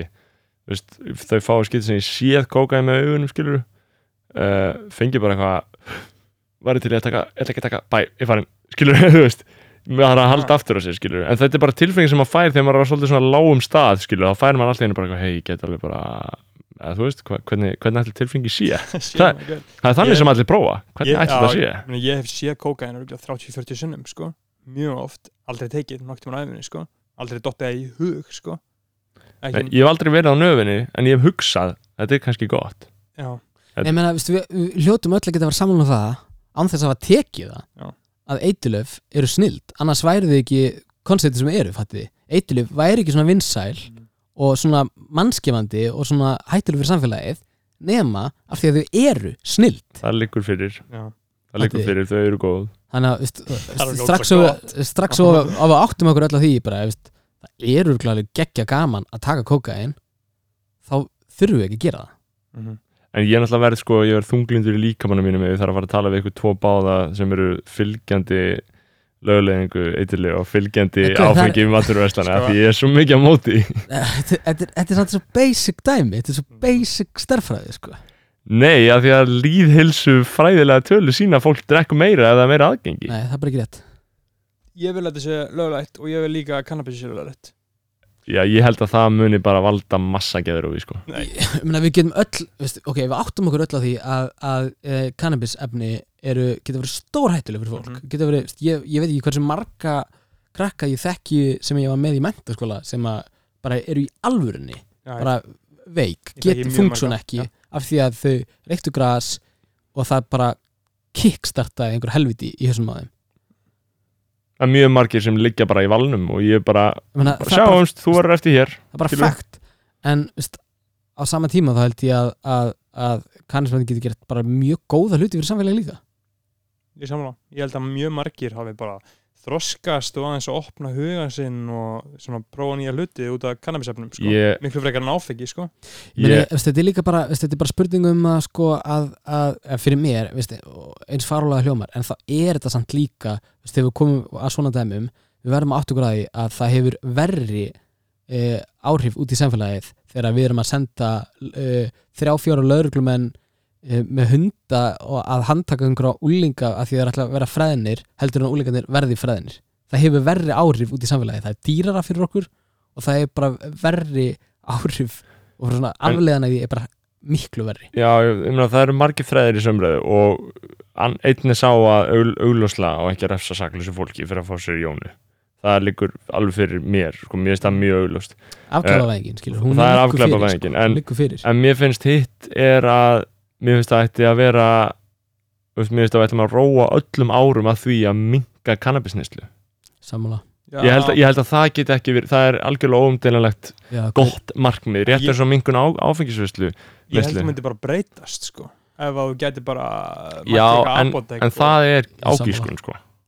Nei, En- nei, menn, það e- er bara sýnis í þar sem að kannabis hefur fyrir af, afglapa vætt já, það er bara neyslan er miklu betri já, já, og það er náttúrulega, þar sem að kannabis hefur löðleitt getur, það getur árið mjög erfitt fyrir samfélag það getur verið erfitt, já. Er, Getur verið er, erfitt. er til eitthvað svona neikvæðan statistik um að Já. Ég meina, veist, það eru veist, Ég þekki ekki dæmi nú vel. Nei, svona töl, að sko, svo tölfræð sem ég hef verið eitthvað svona glugga í, getur ekki vitna almennlega í en veist, það er alveg það er eins og við vitum bara ef þú ert viðkomur fyrir andlega andlega veikindi þá getur cannabis orðið bara hræðilegt En svo líka viðskipta hliðin á þessu, ég meina þú veist ég var að tala um eitthvað gaur á prikinu um daginn sem, sem reykir alveg weed, hann er með weed penna sko. Uh, einhver pennavinur. Það Eh, með þetta er að þessi pennavinur sem að reytir á prikinu ennþá sko. Þeir eru um pennana í vasanum sko. Þeir, hann var eitthvað að segja um frá því að hann hefði verið að fjárfesta í einhverju kanadísku weed fyrirtæki hann var að kaupa einhver verðbríf í því. Og ég var eitthvað, ó þetta er neðst í neður sem er að fara í ganga annar maður Þetta, það eru menn sem eru ekki að fara að hugsa um neitt annað en gróða sem eru að reyna að fara að selja weed á fleiri stöðum en nú þegar er Er það ekki bara fínt? Er það ekki bara ít kapitalismi? Jú, eða, Sko, sko, fyrir að sé einhver dópsirar jú, jú, sorry, það er líka bara teik sem að ég er svo hlindur sko. Já, ég er svo hlindur í að, að við bara take it from the gutter sko, og bara veist, opni markaðir bara. en hvað, hvað undir heima fólki að gera við erum að, við erum að, við erum að fara með þau í gjaldrót ég held sko að, undirheimandi finnur sér náttúrulega alltaf eitthvað að gera en menna strax og, og þú gerir það auðvöldara fyrir fólk að, að, losna úr undirheiminum líka skilur, ef einhver gaur er búin að vera að rækta gras í, í 10-15 ár ólega veist, og gras verður löðleitt þá er þessi bara maður bara mjög eftirsóttur starfskraftur Mhm. skilur, já, já, nákvæmlega, þú getur bara fengið sér og bara fæði sér góða vinnu innivinnu borgar skatta, heldur áfram að reykja sa- nákvæmlega mikið gras kunnat er að halda áfram að reykja mikið gras nema að það verður bara betur umgjörð og, og meiri þess vegna hérna, fáum við að vita bara þess gæti það haft veist, eins og ég sagði áðan, eitthvað, ég held að það myndi hafa bara mjög jákvæð áhrif á samfélagi að, að, að hérna, ég sagði held í löð, löðlega gras en Nei, ok, veist, ég- afglapa við já, það allan afglöfa það Já. ég ætla kannski ekki að ganga svo langt að segja að það væri bara geggja fyrir samfélagið að það er ekki endilega að vera. Við erum ennþá náttúrulega, þetta er, þetta er allt að gerast svo nýtt skiljiði, en, en á saman tíma þá þá En- hérna, er það mjög mikilvægt að afglöfa mér erst sko einstum þess áfengisfrumvarpið lagt fyrir alltaf. Mér erst þetta svo fokkið mikið viðresna mál mér erst þetta setja áfengi í búðir. Já, mér erst þetta viðresnar kjaftaði uh, En Þetta, þetta er ekki bara- frelsisatrið, það er skýtlegt að fara í ríkið og við seljum minna áfengi út af þessu. Uh, Það er meira þess að koma ískapur út af eðistork og þú veist, ég, fyrir mér snýst þetta samt meira um bara veist, why, Já, af hverju? Þetta býr bara til vesen. Vesenið er gott. vesenið er ekki það gott, vesenið er ekki það hindrandi eins og fólk heldur fram. Nei, nei, þetta kostar þetta, veist, ég, ég fann að hljóma eins og frálsökjumæður sko. en þetta kostar bara þetta kostar okkur bara meiri pening en þetta þýrt að gera. Já, já, en ég held samt að við græðum á því að gera þetta, sko. Ég held að ríki græði á að vera með áfengissölu, sko. Já, ég, ég er að segja að ríki græður af því en þetta kostar okkur. Já, en ég er náttúrulega talsmaður ríkisins. Ég elska ríkið. apparently Nei, nei, ég er farin að, farin að vera svona skeptískar á ríkið undanfærið og mér finnst það uh, góðu punktur sem leiði mig á annað sem ég langar að ræða uh, sem ég ger ekki ráðferður að muni að þetta sé umræða sem muni sitra inn í alla kima þjóðfélagsins það er ekki neini nema fjölmiðlar í rauninni sem nennar að ræða þetta en nú reykur þú fjölmiðlogi yes. og að Lilja Tók Alfredsdóttir menta og menningamálar á hefur lagt fyrir nýtt frumvarp uh, til styr, þessi frumvarp um breyting á lögum um fjölmiðla sem uh, kemur til með að styrkja fjölmiðla uh, í fyrsta leið hefði kannað hvort þið séu styrkhæfir eða? uh, Já, við höfum aðeins verið að, að fylgjast með þessi þetta er náttúrulega, liggur ekki alveg fyrir beint en jú, þessi fyrsta útfærsla uh, lúkaði bara eins og að við getum allan að fengi eitthvað einhver hjálp með rítstjórnar kostnaði sko. Já, út á það sko þá verður eiginlega flytja fréttir og það verður að vera frum unnar fréttir Einmitt. og það verður að vera minnst þrýr á reitstjórn Já, já, veist, við, við fyllum þau skilir alveg fullkomna en það er meira svona spurninga því við erum nýtt fyrirtæki með fastaráðan starfsmenn og annað sem við vorum að hugsa út í um mitt Það Þannig er að ekki bara eins og allt annað, þetta er bara eitthvað að vera að tala um þetta en það er aldrei að fara að gerast. Og þetta er bara Ég eitthvað held- svona ég held einhver þetta muni gerast, sko. þetta er að fara að gerast. Aha, það er bara Lilja er búin að mæla fyrir þessu alþingi og frumvarpi líka fyrir og það fyrir í nefndir. Já, veist, fyrir mér er Ég þetta trú ekki náttúrulega á þetta kerfi sko. Nei maður, ég, þetta kerfi er fucking brotið sko. Mm. sko, eitt er að trú ekki á það og annað er að vita bara ekki hvernig það virkar. Ég ég ég ég trúi ekki að það fólk sé að koma ykkur í verk nei, nei. nei, nei, eða, veist, já. Þetta, er, þetta er traustið á stjórnmálunum sko. það er ekki meir en bara þetta. Ekki neitt, ég treysti engum að nei.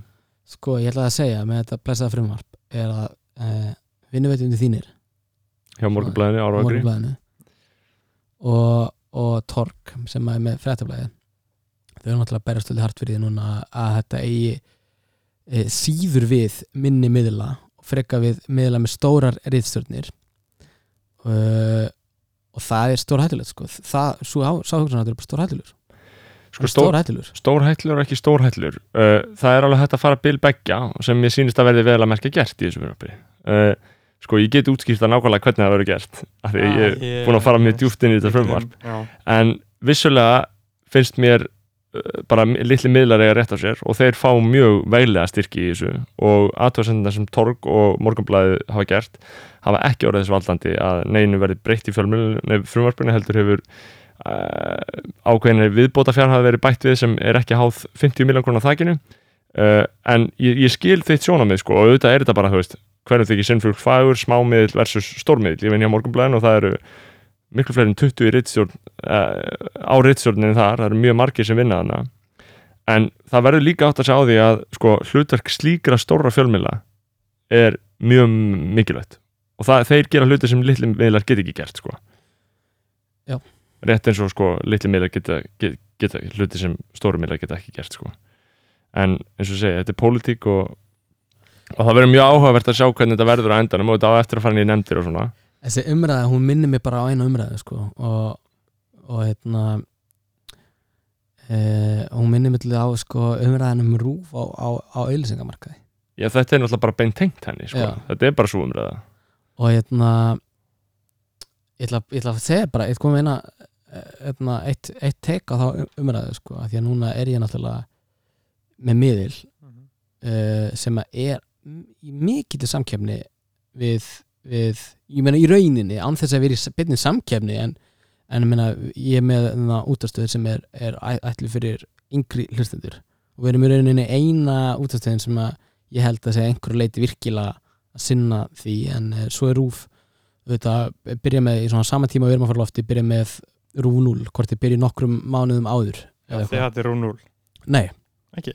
alls ekki sko en við erum, við erum samt samkefnis aðeinar Mhm. af því við erum bara að servisa sama markkóp fattiði en ég, það sem ég held að sé miskilningurinn við þetta er að rúf þarf að sinna bara ákveðinu hlutverki sko.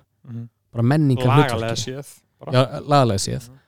uh, og öll umræðum að, að, að sko að draga úr, úr bæði sko uh, etna, hvað sem að frétta rítstjórn rúf eða, eða etna, minka umfang rúf held ég að sé að einhverju leiti uh, kölluð en umræðan um að draga rúf hins var aðeins af auðlýsingamarkaði er umræða sem ég maður taka.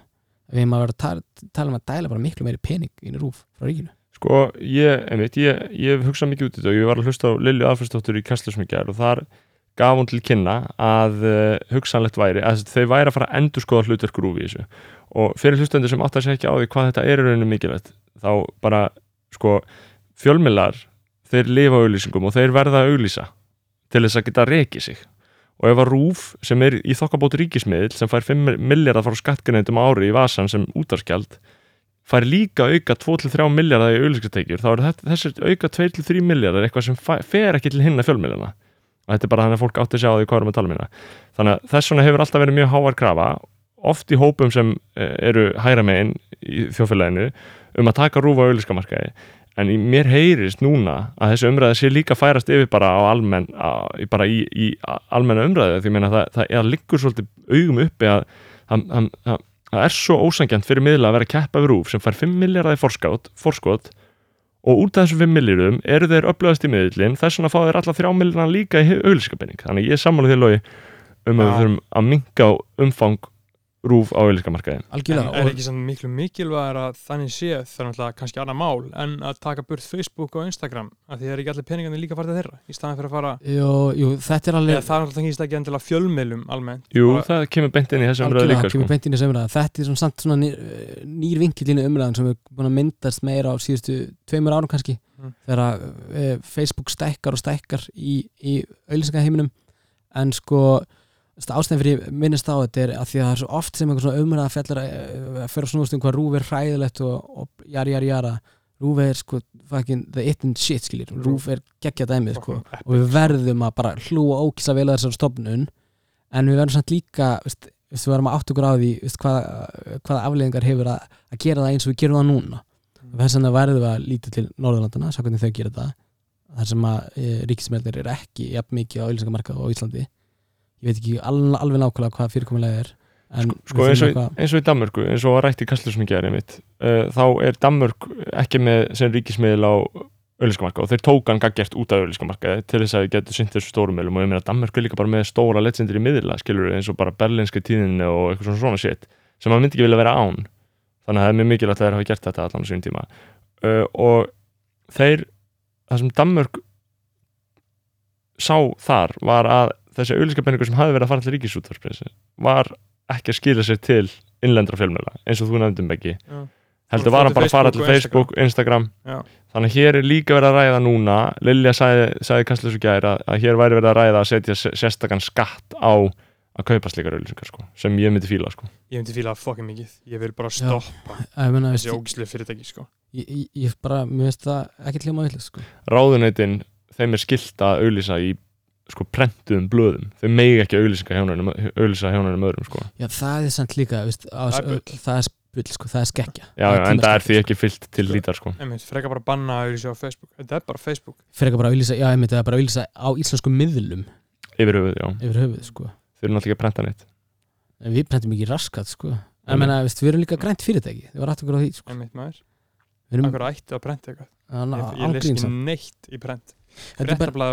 því, sem að þú snorri lest það er bara eitthvað En dót að- fyrir mér sem er bara fyrir mér skilur hvað er ándjóðs Í einhvern með veginn- þessi, þetta leiðandi upp í hátíðsmáum, sorry yfirmenninir ég tek þessu, ég tek þessu. Er, þetta er svo störla lið, sko.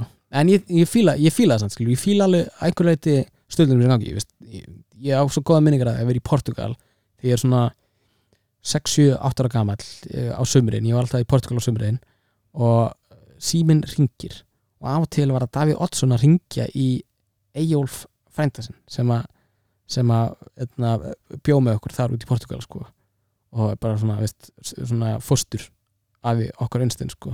já, þannig að ég, ég, hug, ég hugsa alltaf mjög hlýlega til Davíð Oddsons og líka bara, veist, eftir að Örn Árna var að leika nýtt í mörg ál, þá er Davíð Oddsson bara eitthvað svona bara einhver hlýfíkura í, í huga minna kynsluðar, skilur hann er mjög ljúfu kall sko. mér finnst Daví Olsson alveg frekar Lúmsku King sko. hann er, menna, veist, að- veist, það er erfitt að byrja rökkvið að Davíð Oddsson hafa ekki verið kongurinn, skilur á þessum tíma, en hann er samt fucking problematic skilur já, ég meina, ég, ég skil þau sjónum mig og ég meina, ég tala ekki fyrir höndur ítstjónar minna hvert sem ég fer og ég meina, ég, maður getur verið svo ósamála þeim á hverju sunni, bara eins og þú veist, eh, Lóa Björk kann að vera ósamála unnsteini Manuel, skilur 100 p. Þú veist, hún, hún talar ekki hún talar ekki hans máli á ofnbjörnum vettvangi. Nei.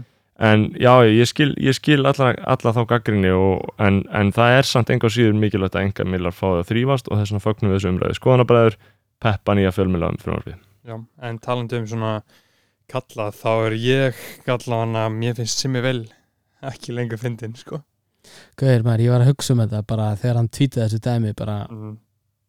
ég fór að hugsa um hann uh, að því að ég held að ég hef nýbúin að vera eh, nýbúin að etna, senda blöð eitthvað bara gauðir til hann með tilvonandi fjölskyldi, mm. hann á á barni Einmitt. og fyrir mér, veist Logi, sko, Logi sem var að horfa fucking 70 mínútur back in the day Mm. þegar ég heiti og er bara eitthvað, my guy og er bara eitthvað, bara talking eitthvað, eitthvað truth, skilur á milli okkar, þá er ég bara eitthvað litli Logi væri bara eitthvað þú- ert nettastu Logi, eitthvað. Mm. að það auðvitað blöð, skiljiði. En finnst þér ekki ennþá, finnst þér ekki smá kongur þegar þú hilsar auðvitað blöða? ég var með, auðvitað blöð er bara kongur, skilur er bara, er fucking mistari mér finnst bara, þetta er bara gauð sem var að læra svo mikið af, skilur og hann er eitt, eitt bara besti sjónsmaður sem að við höfum átt líka. Hann var frábær, frábær bæði sem svona live sjónsmaður í, í hérna, Ísla hvað talent og allir því og líka bara sem veist, bara svona sjóranner skilur sem grínleikari og allt þetta bara svona skemmtilegu kall skilur og hann er bara, bara he does the damn thing skilur og, og algjörlega líka bara kemur frá sögurkröki og bara grænda sig upp einmitt. Bara you gotta er- fucking respect it skilur sko. fucking dyrkana gaur. Þeir voru á nærbuksum með myndavel í mörg ár sko. Ándjóks maður. En svo hugsa ég já Simmi Víl var þarna.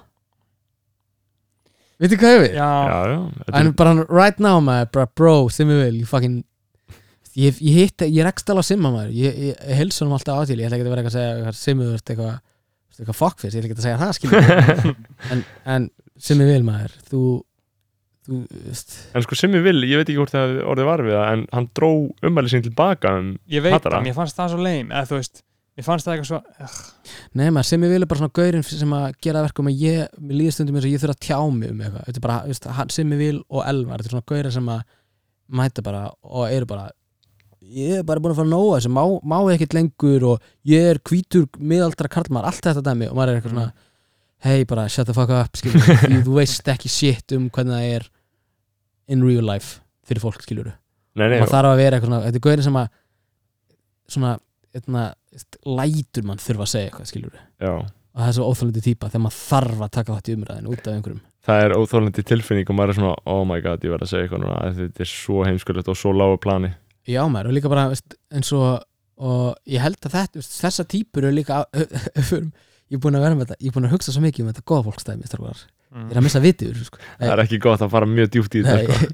en þetta er ég, ég, er að segja hugsa um þetta, mér er skaman að tala um þetta sko. Hvaðan að originata þetta, góða fólkið um, þetta er það, það er það er einhver sem heldur utan það, það það einhver sko. Já. tjekkaði bara því en hérna Endilega senda- Jakob Bjarnar fann á búsavaldabildingunni Jæja. Það? Já. Hvað er það? já, hann er svo fyndið gaur maður Jakob Bjarnar ég er fokkin dýrkan sko. Eins og, eins og just, ég er náttúrulega ekki einnum með þannig í hvert endskiptið sem ég opna fréttavísi ég þarf að lesa þrjá setningar tvær setningar, jafnvel eina það er bara, já Jakob Bjarnar skrifaði þetta já, ég, Það er ógeðsannett ég þekki það Það er- fyrirsögninni ég þekki það bókstala alltaf bara fyrirsögninni ég, bara, ég veit að þetta er Jakob Bjarnar Já. og er veist, maður má ég það, hann er fucking lúmst góðu penni ekkert lúmst, hann er bara góðu penni. ég ætla ekki að ekki segja hans er lúmst, hann er bara miklu betur nýja skiluru já, og allir sem er að vinna hjá mínu fjölmiðli, af því hann er bara með reynsluna og allt þetta. En boy, sko, þessi fucking maður er klikkar. Er klikkar. Og klikkaður sko. skýr svo mikið í gegn í öllu sem hann skrifar. Hann bara, Jakob Bjarnar er minnst hlutlusasti blaðamenn sem við veitum. Og Jakob Bjarnar er svo mér er þetta svo geggjað af því að hann er bara svona veist, ég sé alltaf að segja okkur umræðir á, á etna, fjölmiðla spjallinu eða eitthvað, ég veit ekki hvað það heitir á Mhm. etna, Facebook sem er eitthvað svona finnst ykkur þetta í lagi að gera þetta hitt? Þá mætir ykkur guðin sem Jakob Bjarnar og bara næra snú einhvern veginn listila úr öllu.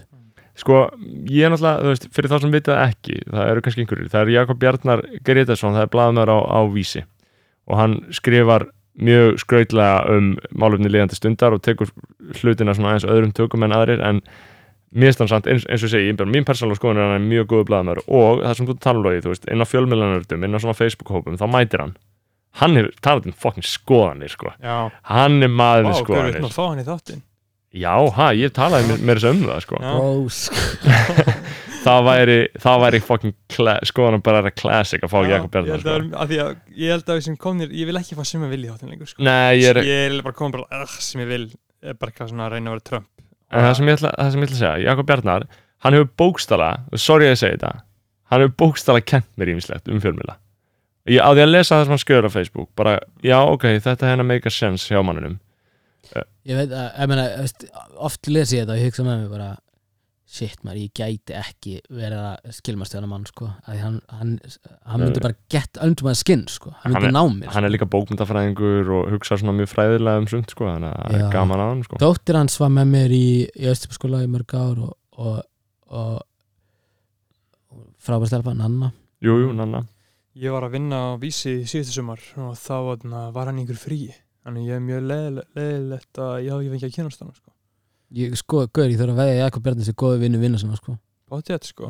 Gaur sem er mjög gaman að fara í veiði með eða hvað, sko. Sko ég er náttúrulega að gera aðtóðasamt við þann orðstýr sem hann hefur að því að ég held að þetta sé ekki svona slæm maður, þetta er bara blaðmaður Mhm. hann skrifa fréttir og hlutleysi, Já. jú, hlutleysi blaðamanna er ekki til, Nei, nokkulega byrjum á því þú veist, þú skrifa hlutina alltaf frá ákveðinu sjónarhóðni þú getur reynd að gæta sangirnis og kannski er því ábúta vant á einhverjum svona, ákveðinu sviðin hjá honum, en, en meina, sorry, Jakob Bjarnar hefur skrifað hann hefur stundið skrifað greinar og viðtöl sem að mér blöskra sko. mér blöskra stundum að, að lesa dóttir sem hann er skrifað sko. já, já En eins og ég segi, ég meina þú veist, það er bara the way of life, skilur, hann hefur slæma skoðun en hann vinnur góð störf og það má ekki vega starfsæðri fólks bara fyrir, fyrir nokkur fyrir nokkur mistik, sko. Nei, hver, eins og ég segja, hann er fucking góður blaðamæður maður, og ég er líka bara, veist, ég var ánægt að tala um eitthvað hann er lúmst góður, hann er bara, ég hef, veist, það hann er legendir í góð bara legendir í góður blaðamæður Mm.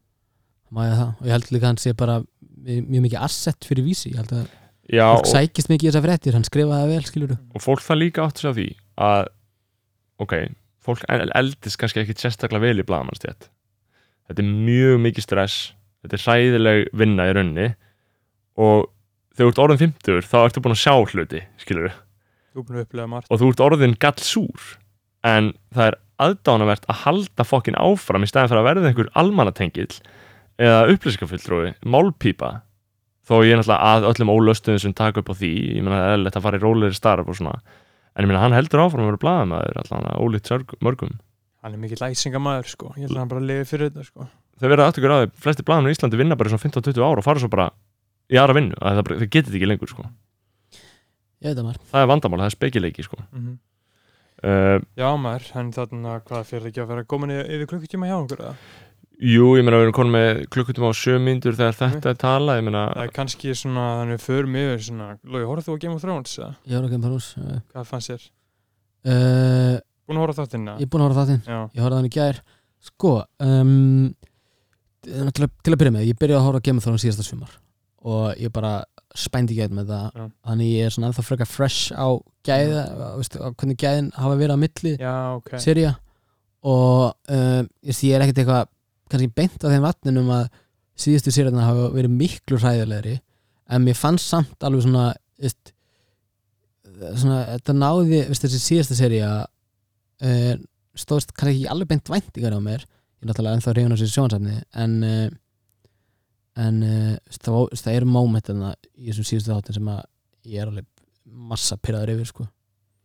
Ég skil ekki. Já, mér fannst þetta frekar mikið drasl sko að því Já. ég má bara ekki eftir sko, ég byrjaði að horfa 2012 eða 2013 eitthvað svo þetta var svona þriðiseri eitthvað. Og ég man eftir, alltaf eftir að við fylgjast með þessu hafa alltaf bara verið gett sáttir með þetta. Skilur við hvað ég meina? Þetta var alltaf nýr og nýr þáttur að koma þetta var alltaf bara að tala geggja eða eitthvað. Síðan finnst mér smá eins og þessari er eftir ekki einu sem þátt er allir alltaf að tala um hvað þetta er umulett smátt finnst þetta ekki alveg það umulett Nei, gaur, ég er alveg Ég finnst maður samanlega eiginlega verið þakkláttur fyrir að sé vera að framlega svona epic sjónvarsefni sko. algjörlega. En á sama tíma má alveg gaggrína þetta sko. ef við erum áttu græði þegar að, maður er búin að upplifa þetta er náttúrulega áttundu sér sem var að klára þegar maður er búin að upplifa bara einhverja 6-7 episkar serju, bara epist dæmi. Og svo endar þetta eins og þetta endaði. Og síðustu, sorry, síðustu hálftímin í síðustu þættunum mér leittist sko. Mér leittist svo mikið maður og ég var bara, Vond- ég var svo vond pull- tilfinning, full yfir því, ég var bara svona oh, bara, veist, er þessi sinni ekki að fara að klárast bara aftur og aftur, bara fjóra sinni röð þá var ég bara betur að sinna myndi klárast. Já, þá er þetta búið með þessi sarman sko. já maður, maður er bara þakkláttur sko, kannski fyrir að hafa svona fylgjast með þessum þáttum jafnt og þjætt sko, eins og ég hef verið til í að uh, upplifa Sopranos þannig að Mad Men eða eitthvað svona dæmi skilur maður svona tengist þáttunum aðeins öðruvísi sko. Og þættir er náttúrulega svona maður er samtíða þeim sko. já, er, er kannski orðið svona þannig sé svona mikilvægsta uh, afþrengarefni okkar tíma sko. já maður, líka bara, veist, einmitt, veist, ég hef samt alveg veist, Game of Thrones fokka alveg upp reysjónu mínu sko, veist, það var bara það vantaði svo mikið af, af, af fólki sem var ekki kvítt sko ég er með reysjó sko ég, Mhm. bara, ég verð að horfa því maður á ekki að horfa ómikið á kvít fólk með sér ég veit sko. Er þetta allt hvítir það? Já, eiginlega. Þetta er einhver allt- eitt sjóræningi það komu tveir svarti menn sko. Já. Af hverju ætli það sé? Hvað ætli það sé að velja að fangast bá? ég held að þetta hafi bara eitthvað sagan bara eins og þetta sé skrifað í bókurum gerir kannski ekki alveg ráð fyrir því að að, að, að það sé til svart fólk eða eitthvað, I don't know. Þetta var hræðilegt að, að því leitið sko. Ég meina, þetta, er- þetta er hræðilegt út frá því að, og eins og segi, þetta fucka upp reysunum mínu. Ég, ég verða veist, ég get ekki hort meira á hvít fólk en ég horfa á svart fólk sko. Nei. það má ekki vera þannig. Nei, ég, ég stið það og skil það sko. Þetta er bara, þetta er svona hvít vítaminpilla sem hún neðislega taka bara. Já, algjörlega Þannig, veist, ég, svona, ég byrjaði að pæla svo mikið í þessu því ég var í MH ég var í ensku og ég var að horfa á hérna, eitthvað Jane Austen hvað heitir þetta, Pride and Prejudice þætti í tímum. Og sá, í að lesa bókina veist, þetta var bara eitthvað við lásum bókina og svo voru að horfa á þetta í tímum og ég sat hérna í stofunni og það er bara stelpur einhver stelpa segir hliðan á mér og er bara hún er svo dottin inn í þetta hún er bara, bara Jane Austen og þetta er bara dæmi sem er í gangi þetta Pride and Prejudice, þetta er bara kveikir í henni. Og ég seti það og ég horfa eitthvað brest sko hefðar fólk bara eitthvað mesta bara non-issue dæmi sem er í gangi með það sem er í gangi til bara í bandaríkurum bara dæmi sem er í gangi bara alls þar annars þegar heiminum. Vist, ég fekk bara svona ég hata hvít fólk sko. Já, veitir hvað við? já, já, bara, ekki, bara, ah, bara ég- þetta er minnst spennandi dæmi ever fyrir mér sem er í gangi þannig Þetta er mjög áhugavert sko en þetta er náttúrulega líka svona þetta er svona white people buffoonery. Svona risastórar það er ennþá verið að búa þetta til svona risastórar meiri hátta 19. allar serjur Já. allir hvítir. Allir. All, þetta eru svona hvítar pælingar hvít viðfangsefni. Já, Nei, og líka er sko veist, ég segi þetta og mér finnst alltaf svo fyndið að tala um þetta því ég býr náttúrulega bara í kvítastrandi í heiminum og, og er etna, náttúrulega bara veist, eh, öll móðu fjölskyldum mín býr náttúrulega í útlöndum þannig að me- mest öll fjölskyldum sem er nán mér og bara ég elst upp bara sem hvítu strákur í rauninni í stóra sammenginu fattiði mm. en uh, etna, mér er svo fyndið að, að tala um þetta því að veist, þetta er svo þetta er orðið svo, er svo kve, ég held að engi, ég held að mér fáir kveiki á þessu sem að, sem að veist, ég held að þessi ógislega lítið af hverju gaurum í Vestló sem er eitthvað ó, ég, ég er bara búin að horfa á veist, tvær myndir á æfi minni það sem er svartur aðaleikari Mm. veit þið hvað við? Já, þetta er þetta er ógislega fáir sem að pæli þessu fyrir að maður er svona ó, ég er eitthvað svartur á þessu landi og hverju er ég aldrei aldrei að sjá fólk sem að lítur út eins og ég sem er í meirlut í heiminum? Hverju sé ég það aldrei? Þetta er alltaf bara allt annað raunveruleiki rauninni, og þess að við sem hvíti menn getum ekki þannig séð uh, skilið. Nei, nákvæmlega skilur hvað ég meina? En svona það er svona og síðan er þetta mismunandi og síðan líka náttúrulega sko eins og uh, fer eftir líka náttúrulega bara hvernig myndir þú horfa á sko.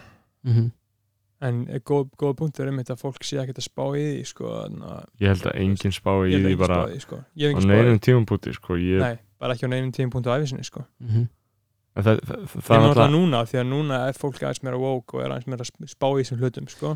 Já, hver andjóks maður stundum er samt fæ ég líka bara ógið ef ég sé einhvern ennið ísendingin tala um miðaldra hvítan karlmann með eitthvað white savior komplex þá stundum fæ ég bara svona, ah, bara shut the fuck up. Bara you don't know, skilur, þú veist það ekki þú heldur að veitir að you do not know bara please veitir hvað ég er að fara? já, já, já. Er, er, er, er að tala um bara einhvern svona íslending sem er að kvarta yfir öðrum íslendingum sem er eins og hann eða, þú veist Já, basically, þegar fólk er eitthvað ég fylgja svo mikið af þessi kringum þess að hatar um það já, ein, einhverju krakkar er að tala um bara, þetta er bara einhverjir hvítir cis karlmenn með white savior complex Mhm. og ég fæ, fæ bara svona you're not doing the cause justice mm. bara stay away skilur bara, Já. Bara krossin á það sko. Já, ég, ég skilði því sko. Þetta er bara eins og ég man ekkert maður var ég að ég var að skrifa rítgerð og ég skrifaði að einhver væri hvítur miðaldra sis uh, kallmaður eitthvað. Mhm. og amma var að lesa yfir rítgerðina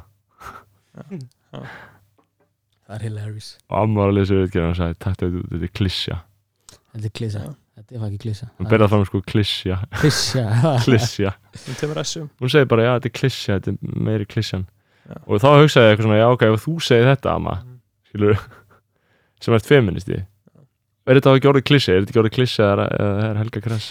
Jú, gaur, líka bara, veist, andjóks ef við eh, hugsum um, um viðtalið sem að Sindri Sindirsson átti við hana Töru en það sem er að vinna í, í réttundum uh, hérna, uh, feitis fólks. Já. ég held að er það ekki huttekar sem átt nota, vitið það? Já, jú, uh, þungt fólk eða eitthvað? Bara Málið er, málið er líka bara að ég segja bara með fyrirvara veist, ég veit ekki hvað huttekar ég á nota Mhm. og bara leiða til mig ef ég, ef ég segja þér villust Mhm. en þetta viðtal var mesta bara social jerk sem ég séð. Þess máli er, jú, ok Sindri Sindirsson uh, mættur en það og ætla bara að fara að grilla einhverja píu sem er bara að berjast fyrir fyrir etna, málstað sem ég finnst vera bara fyrir eitthvað veist, að bara it. Já, Mhm. bara Bara- legit bara legit, bara- legit Bara- umræða. bara sem legit að um það mjög mikið að mönnum bara ha, mjög mikið að mönnum hata, fe, Já, já. hata feitt fólk bara já, ekki að hata. Ég meina, veist, bara veist, þetta er bara svona sem að, veist, þetta helst líka bara, veist, bara svona útlitsfordumar eru bara, veist. Já, já, þið veitir hvað er að fara. Já. en etna, svo þegar hann er eitthvað veistu hvað ég er eitthvað ég er etna, hommi sem var ætlað að barn og, og svona, þau tvö þegar þau tvö er að berjast um hver er með meiri forréttindi eða hver er með minni forréttindi þá er maður eitthvað svona áttið ykkur á því veistu, þið áttið ykkur ekki á því skiljiði. Og umræðan var aldrei það og fór aldrei þangað eitthvað. Áttið ykkur ekki á því hvað, hvað er hvað þið hafið það bæði gott. Veit ég hvað við, umræðan fór aldrei þangað. Mér finnst það segja ógæslega mikið líka um, um hérna, sjónhortin sem er í gangi í íslensku samfélagi. Mhm. Og hvað fólk leifir sér ofta að vera eitthvað ei, ég er með minni fórhættin en þú, fór aldrei þangað það var bara eitthvað það hafið það bæði bara betur en 90% af heiminum einmitt þá ég man Sindri á svo tilbúin í þessu vitali sko. hann var Já. tilbúin með listan Já. sorry hver, þetta var hræðilegt bara, þetta var sem- mjög vond TV moment sko. já, man, mér fannst það bara mér fannst það, veist, hann er að fá hann einhverja píu, og, og veist, að, þetta var bara, mér fannst þetta bara léle já, hann var bara lélt af, hann sem fréttamann hann var bara að hæðast að henni það var punkturinn, eða þú veist, hann vildi svona já, hvað, eru það að berjast fyrir bara, að allir með bara vera eins feitur og vilja? Bara svona, nei, það er ekki það sem við erum berjast fyrir. Við erum berjast fyrir því að fólk hætti að tala um feitt fólk eins og bara ógeðslegt scum of this earth eins og sumir leifa sér að gera. Já, algjörlega, Menna, veist, þetta er bara eins og ég var um, um daginn að, skrolla ekki inn á Netflix og það er alltaf byrtist myndin Fat Hall eða eitthvað það sem hann, hérna, Ryan Reynolds er í svona fat suit Einmitt. að leika einhvern gaur. Og ég var bara, að, þetta er hræðilegt. Ég myndi hvað þetta er fucking hérna, verið vond eða sælandi fyrir mikið af liði bara, bara eitthvað veist, einhverju krakkar í hæskúli í bandirík sem hafa verið bara eitthvað fuck, þetta er verst það sem hefur komið fyrir með þessi mynd sig í bíó. Já. Ég held það er örugglega ekkert verra en að vera að díla við eitthvað svona dæmi og sérstaklega eins og fyrir fórdómar sem ég held við höfum rætt áður sko, að það er svo mikið sem að fólk uh, það er kannski meiri svona frípassi í samfélaginu að vera með fyrir fórdóma en nokkuð sko annars sko. þannig að þeir lenda kannski uh, ekki, hafa ekki svona sumu svona, það er ekki svona sumu normin í umræðu um það einhvern veginn Nei, þau hafa ekki mikið af svona forsöndu til að verja sig og líka bara, þú veist ég er heldur ekki að segja að ja, hlutin er að breytast auðvitað nóttu og það er enginn að segja það en það er bara verið að benda á bara svona byrtingamindir feitra í alls konar fjölmilum og svona bara eitthvað svona það er oft bara eitthvað fréttir um að Íslendingar eru 90% feitari enn í fyrra. Allir eru bara, já, þetta er sannleikur uh, ekki bara einhver afbökun á veruleikanum og svo bara mynda einhverjum andlitslausum fyturlungi, bara aldrei nein andlit. Það er bara fytu keppin bara, bara ef þið farið í fjölmjöla bara, bara feitir á Íslandi það er bara myndir af fytu keppinum og allir eru bara þetta er ógeðslegt. Uh, og svo, og svo þetta er ógeðsleg viðbjör og svo er eitthvað, eitthvað svona eitthvað, eitthvað, já, er þetta ekki bara eitthvað vennilegt fólk? Kom bara, nei, ég er bara að segja þetta að að þetta er ekki holdt fyrir því, sko, bara, þú ert ekki að segja þetta neinum tímapunkt að þetta er ekki holdt fyrir því þú bara að segja þetta að þú hatar feitt fólk. Já, mér þetta er líka bara ég veit ekki, mér, mér finnst þetta ég voru að hugsa líka mikið um, um uh, þetta mál sem að Freyja Halsóttir er að standa í við uh, sko að ég sambandi var að fá að vera fóstur fóreldri einmitt, og veist, mér finnst það að vera bara svona kristalskýrt veist, veist, við höfum al- alveg séð svona ég fór í, ég fór í hérna, sapn í, í bandaríkjunum og, og ég sá hérna, ég fór í sapn í, í Memphis the, hvað held ég að er, the Civil Rights Museum. Þetta er hérna á Loretta. Montella sem hann var skotin hérna, Martin Luther King. Mhm. og það búið að breyta þessu í safn. Og þar sá ég svona það var svona búið að gera svona dænir þar inni.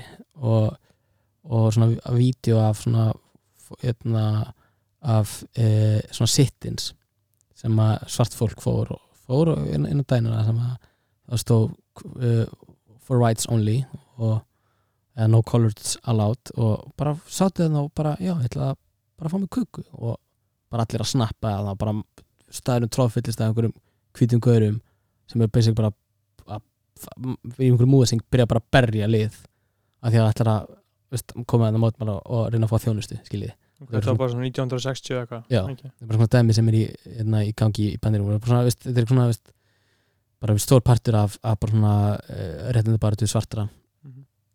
Er, er mi- mikið af svona hérna, mótmálum og fyrir mér þegar Freyja Haralds er að tala um að fá sömu meðferð bara sömu meðferð efnislegu meðferð og aðrir að þegar hún kemur að því að fá að vera fóstufóreldri og kommentakerfin fyllast af fólki fyllast af fólki sem er bara eitthvað bara hvað er að segja bara eitthvað ógeð og hún verður bara eitthvað svona hún verður alltaf eitthvað svona catchphrase fyrir bara hvað og Freyja Harald þáttinu að fara í slökkuliði næst? Eitthvað svona dæmi. Mm. þá sé þannig eru þannig er eitthvað dæmi. Það er eitthvað í gangi Þetta það eru hlið- svona er múæsingar fordóma ógeð sem er í gang. Við þið hvað ég er að fara? Þetta er hliðstætt. Þetta er Fólk er hattursvöld sko. Nei og einmitt skilur eitthvað, ég hugsaði einmitt með, með þetta Freyja Haraldstæmi ég hugsaði bara, ok ég, ég sé ekki fram, ég sé ekki alveg hvernig hún ætti að ali batn, en ég sé fullkomlega að hún vilji að hún sé, að það sé komið fram við hana eins og aðra þegar hún sækir um það. Og svo getur það verið metið bara eitthvað síðar í ferðlinu réttu sér bara metið á fullt af fólki bara svona, hei, ég held að sé ekki sniðu þetta að við gerum þetta, en bara, þú veist, að því henni var bara hafnað umsöðalust á þeim grundallega að hún væri föllu og þetta, þetta er það sem aktivism snýst um. Þú verður að fara að skrifa lengra til þess að breyta hlutunum, skilur og augljóslega er þetta aktivismi, skilur algjörlega, en ég, meina, ég held það líka, veist, ef við förum út í það ég held að fóreldrar geti verið alls konar. Ég held að fóreldrar geti líka ekki haldið á barninu sinu já, já, eða ekki snerta Tókalega sko. Og ég held að veist, að að, að, að samankvæmdi fyrir veist, náttúrulega st- stóra í þessu máli eru þetta bara að hún fær ekki efnislega meðferð skilur já, já, hún fær bara, það er bara sagt við því nei, þú ert Já. svona og við tökum ekki á þessu Og- Það var bara alveg hann í byrjun bara Já, já, strax. já, Ok, hún var bara hún neita, hún fekk ekki sem sagt, ég veit ekki alveg nákvæmlega hvað hérna, skrifið er í þessu ferli Mm. en, veist, einmitt. Þetta er einmitt, þetta er eh, svakalegt og við skoðum bara fordæm uh, svona verkvælla nú uh, við ætlum nú að láta þessu loki hérna fyrir stundu en uh, auðvitað vindur þetta upp á sig eins og þetta vill gera. Mikið um að tala Það er mikið um að ræða, Logi hefur verið ansið gjöfild skoðanabróður, hann er meira þess að bara búin að bera hérna písi mál upp á borð, uh, óum beðin. já, gaur, það er nefnilega málið. Þetta sétt sem ég er að segja þetta er svo fucking basic. Já, veitir hvað ég er að Veist, það er sem ég er að benda á. Við erum öll góða fólkið þegar við setjast niður og ræðum málin. Meira þess að ég ergo, það er engin góða fólkið. Undirritað Snorri Másson er gott fólk. Já, ég líka. Góða maður. Ég ekki að halda því áfram. Uh, við sjáumst að viku liðinni í skoðanabræðurum og Logi, ég vil þakka þér kærlega fyrir Já. komuna. Takk hjá fyrir góna Þetta var mjög ánægilegt Og bara hafa það gott.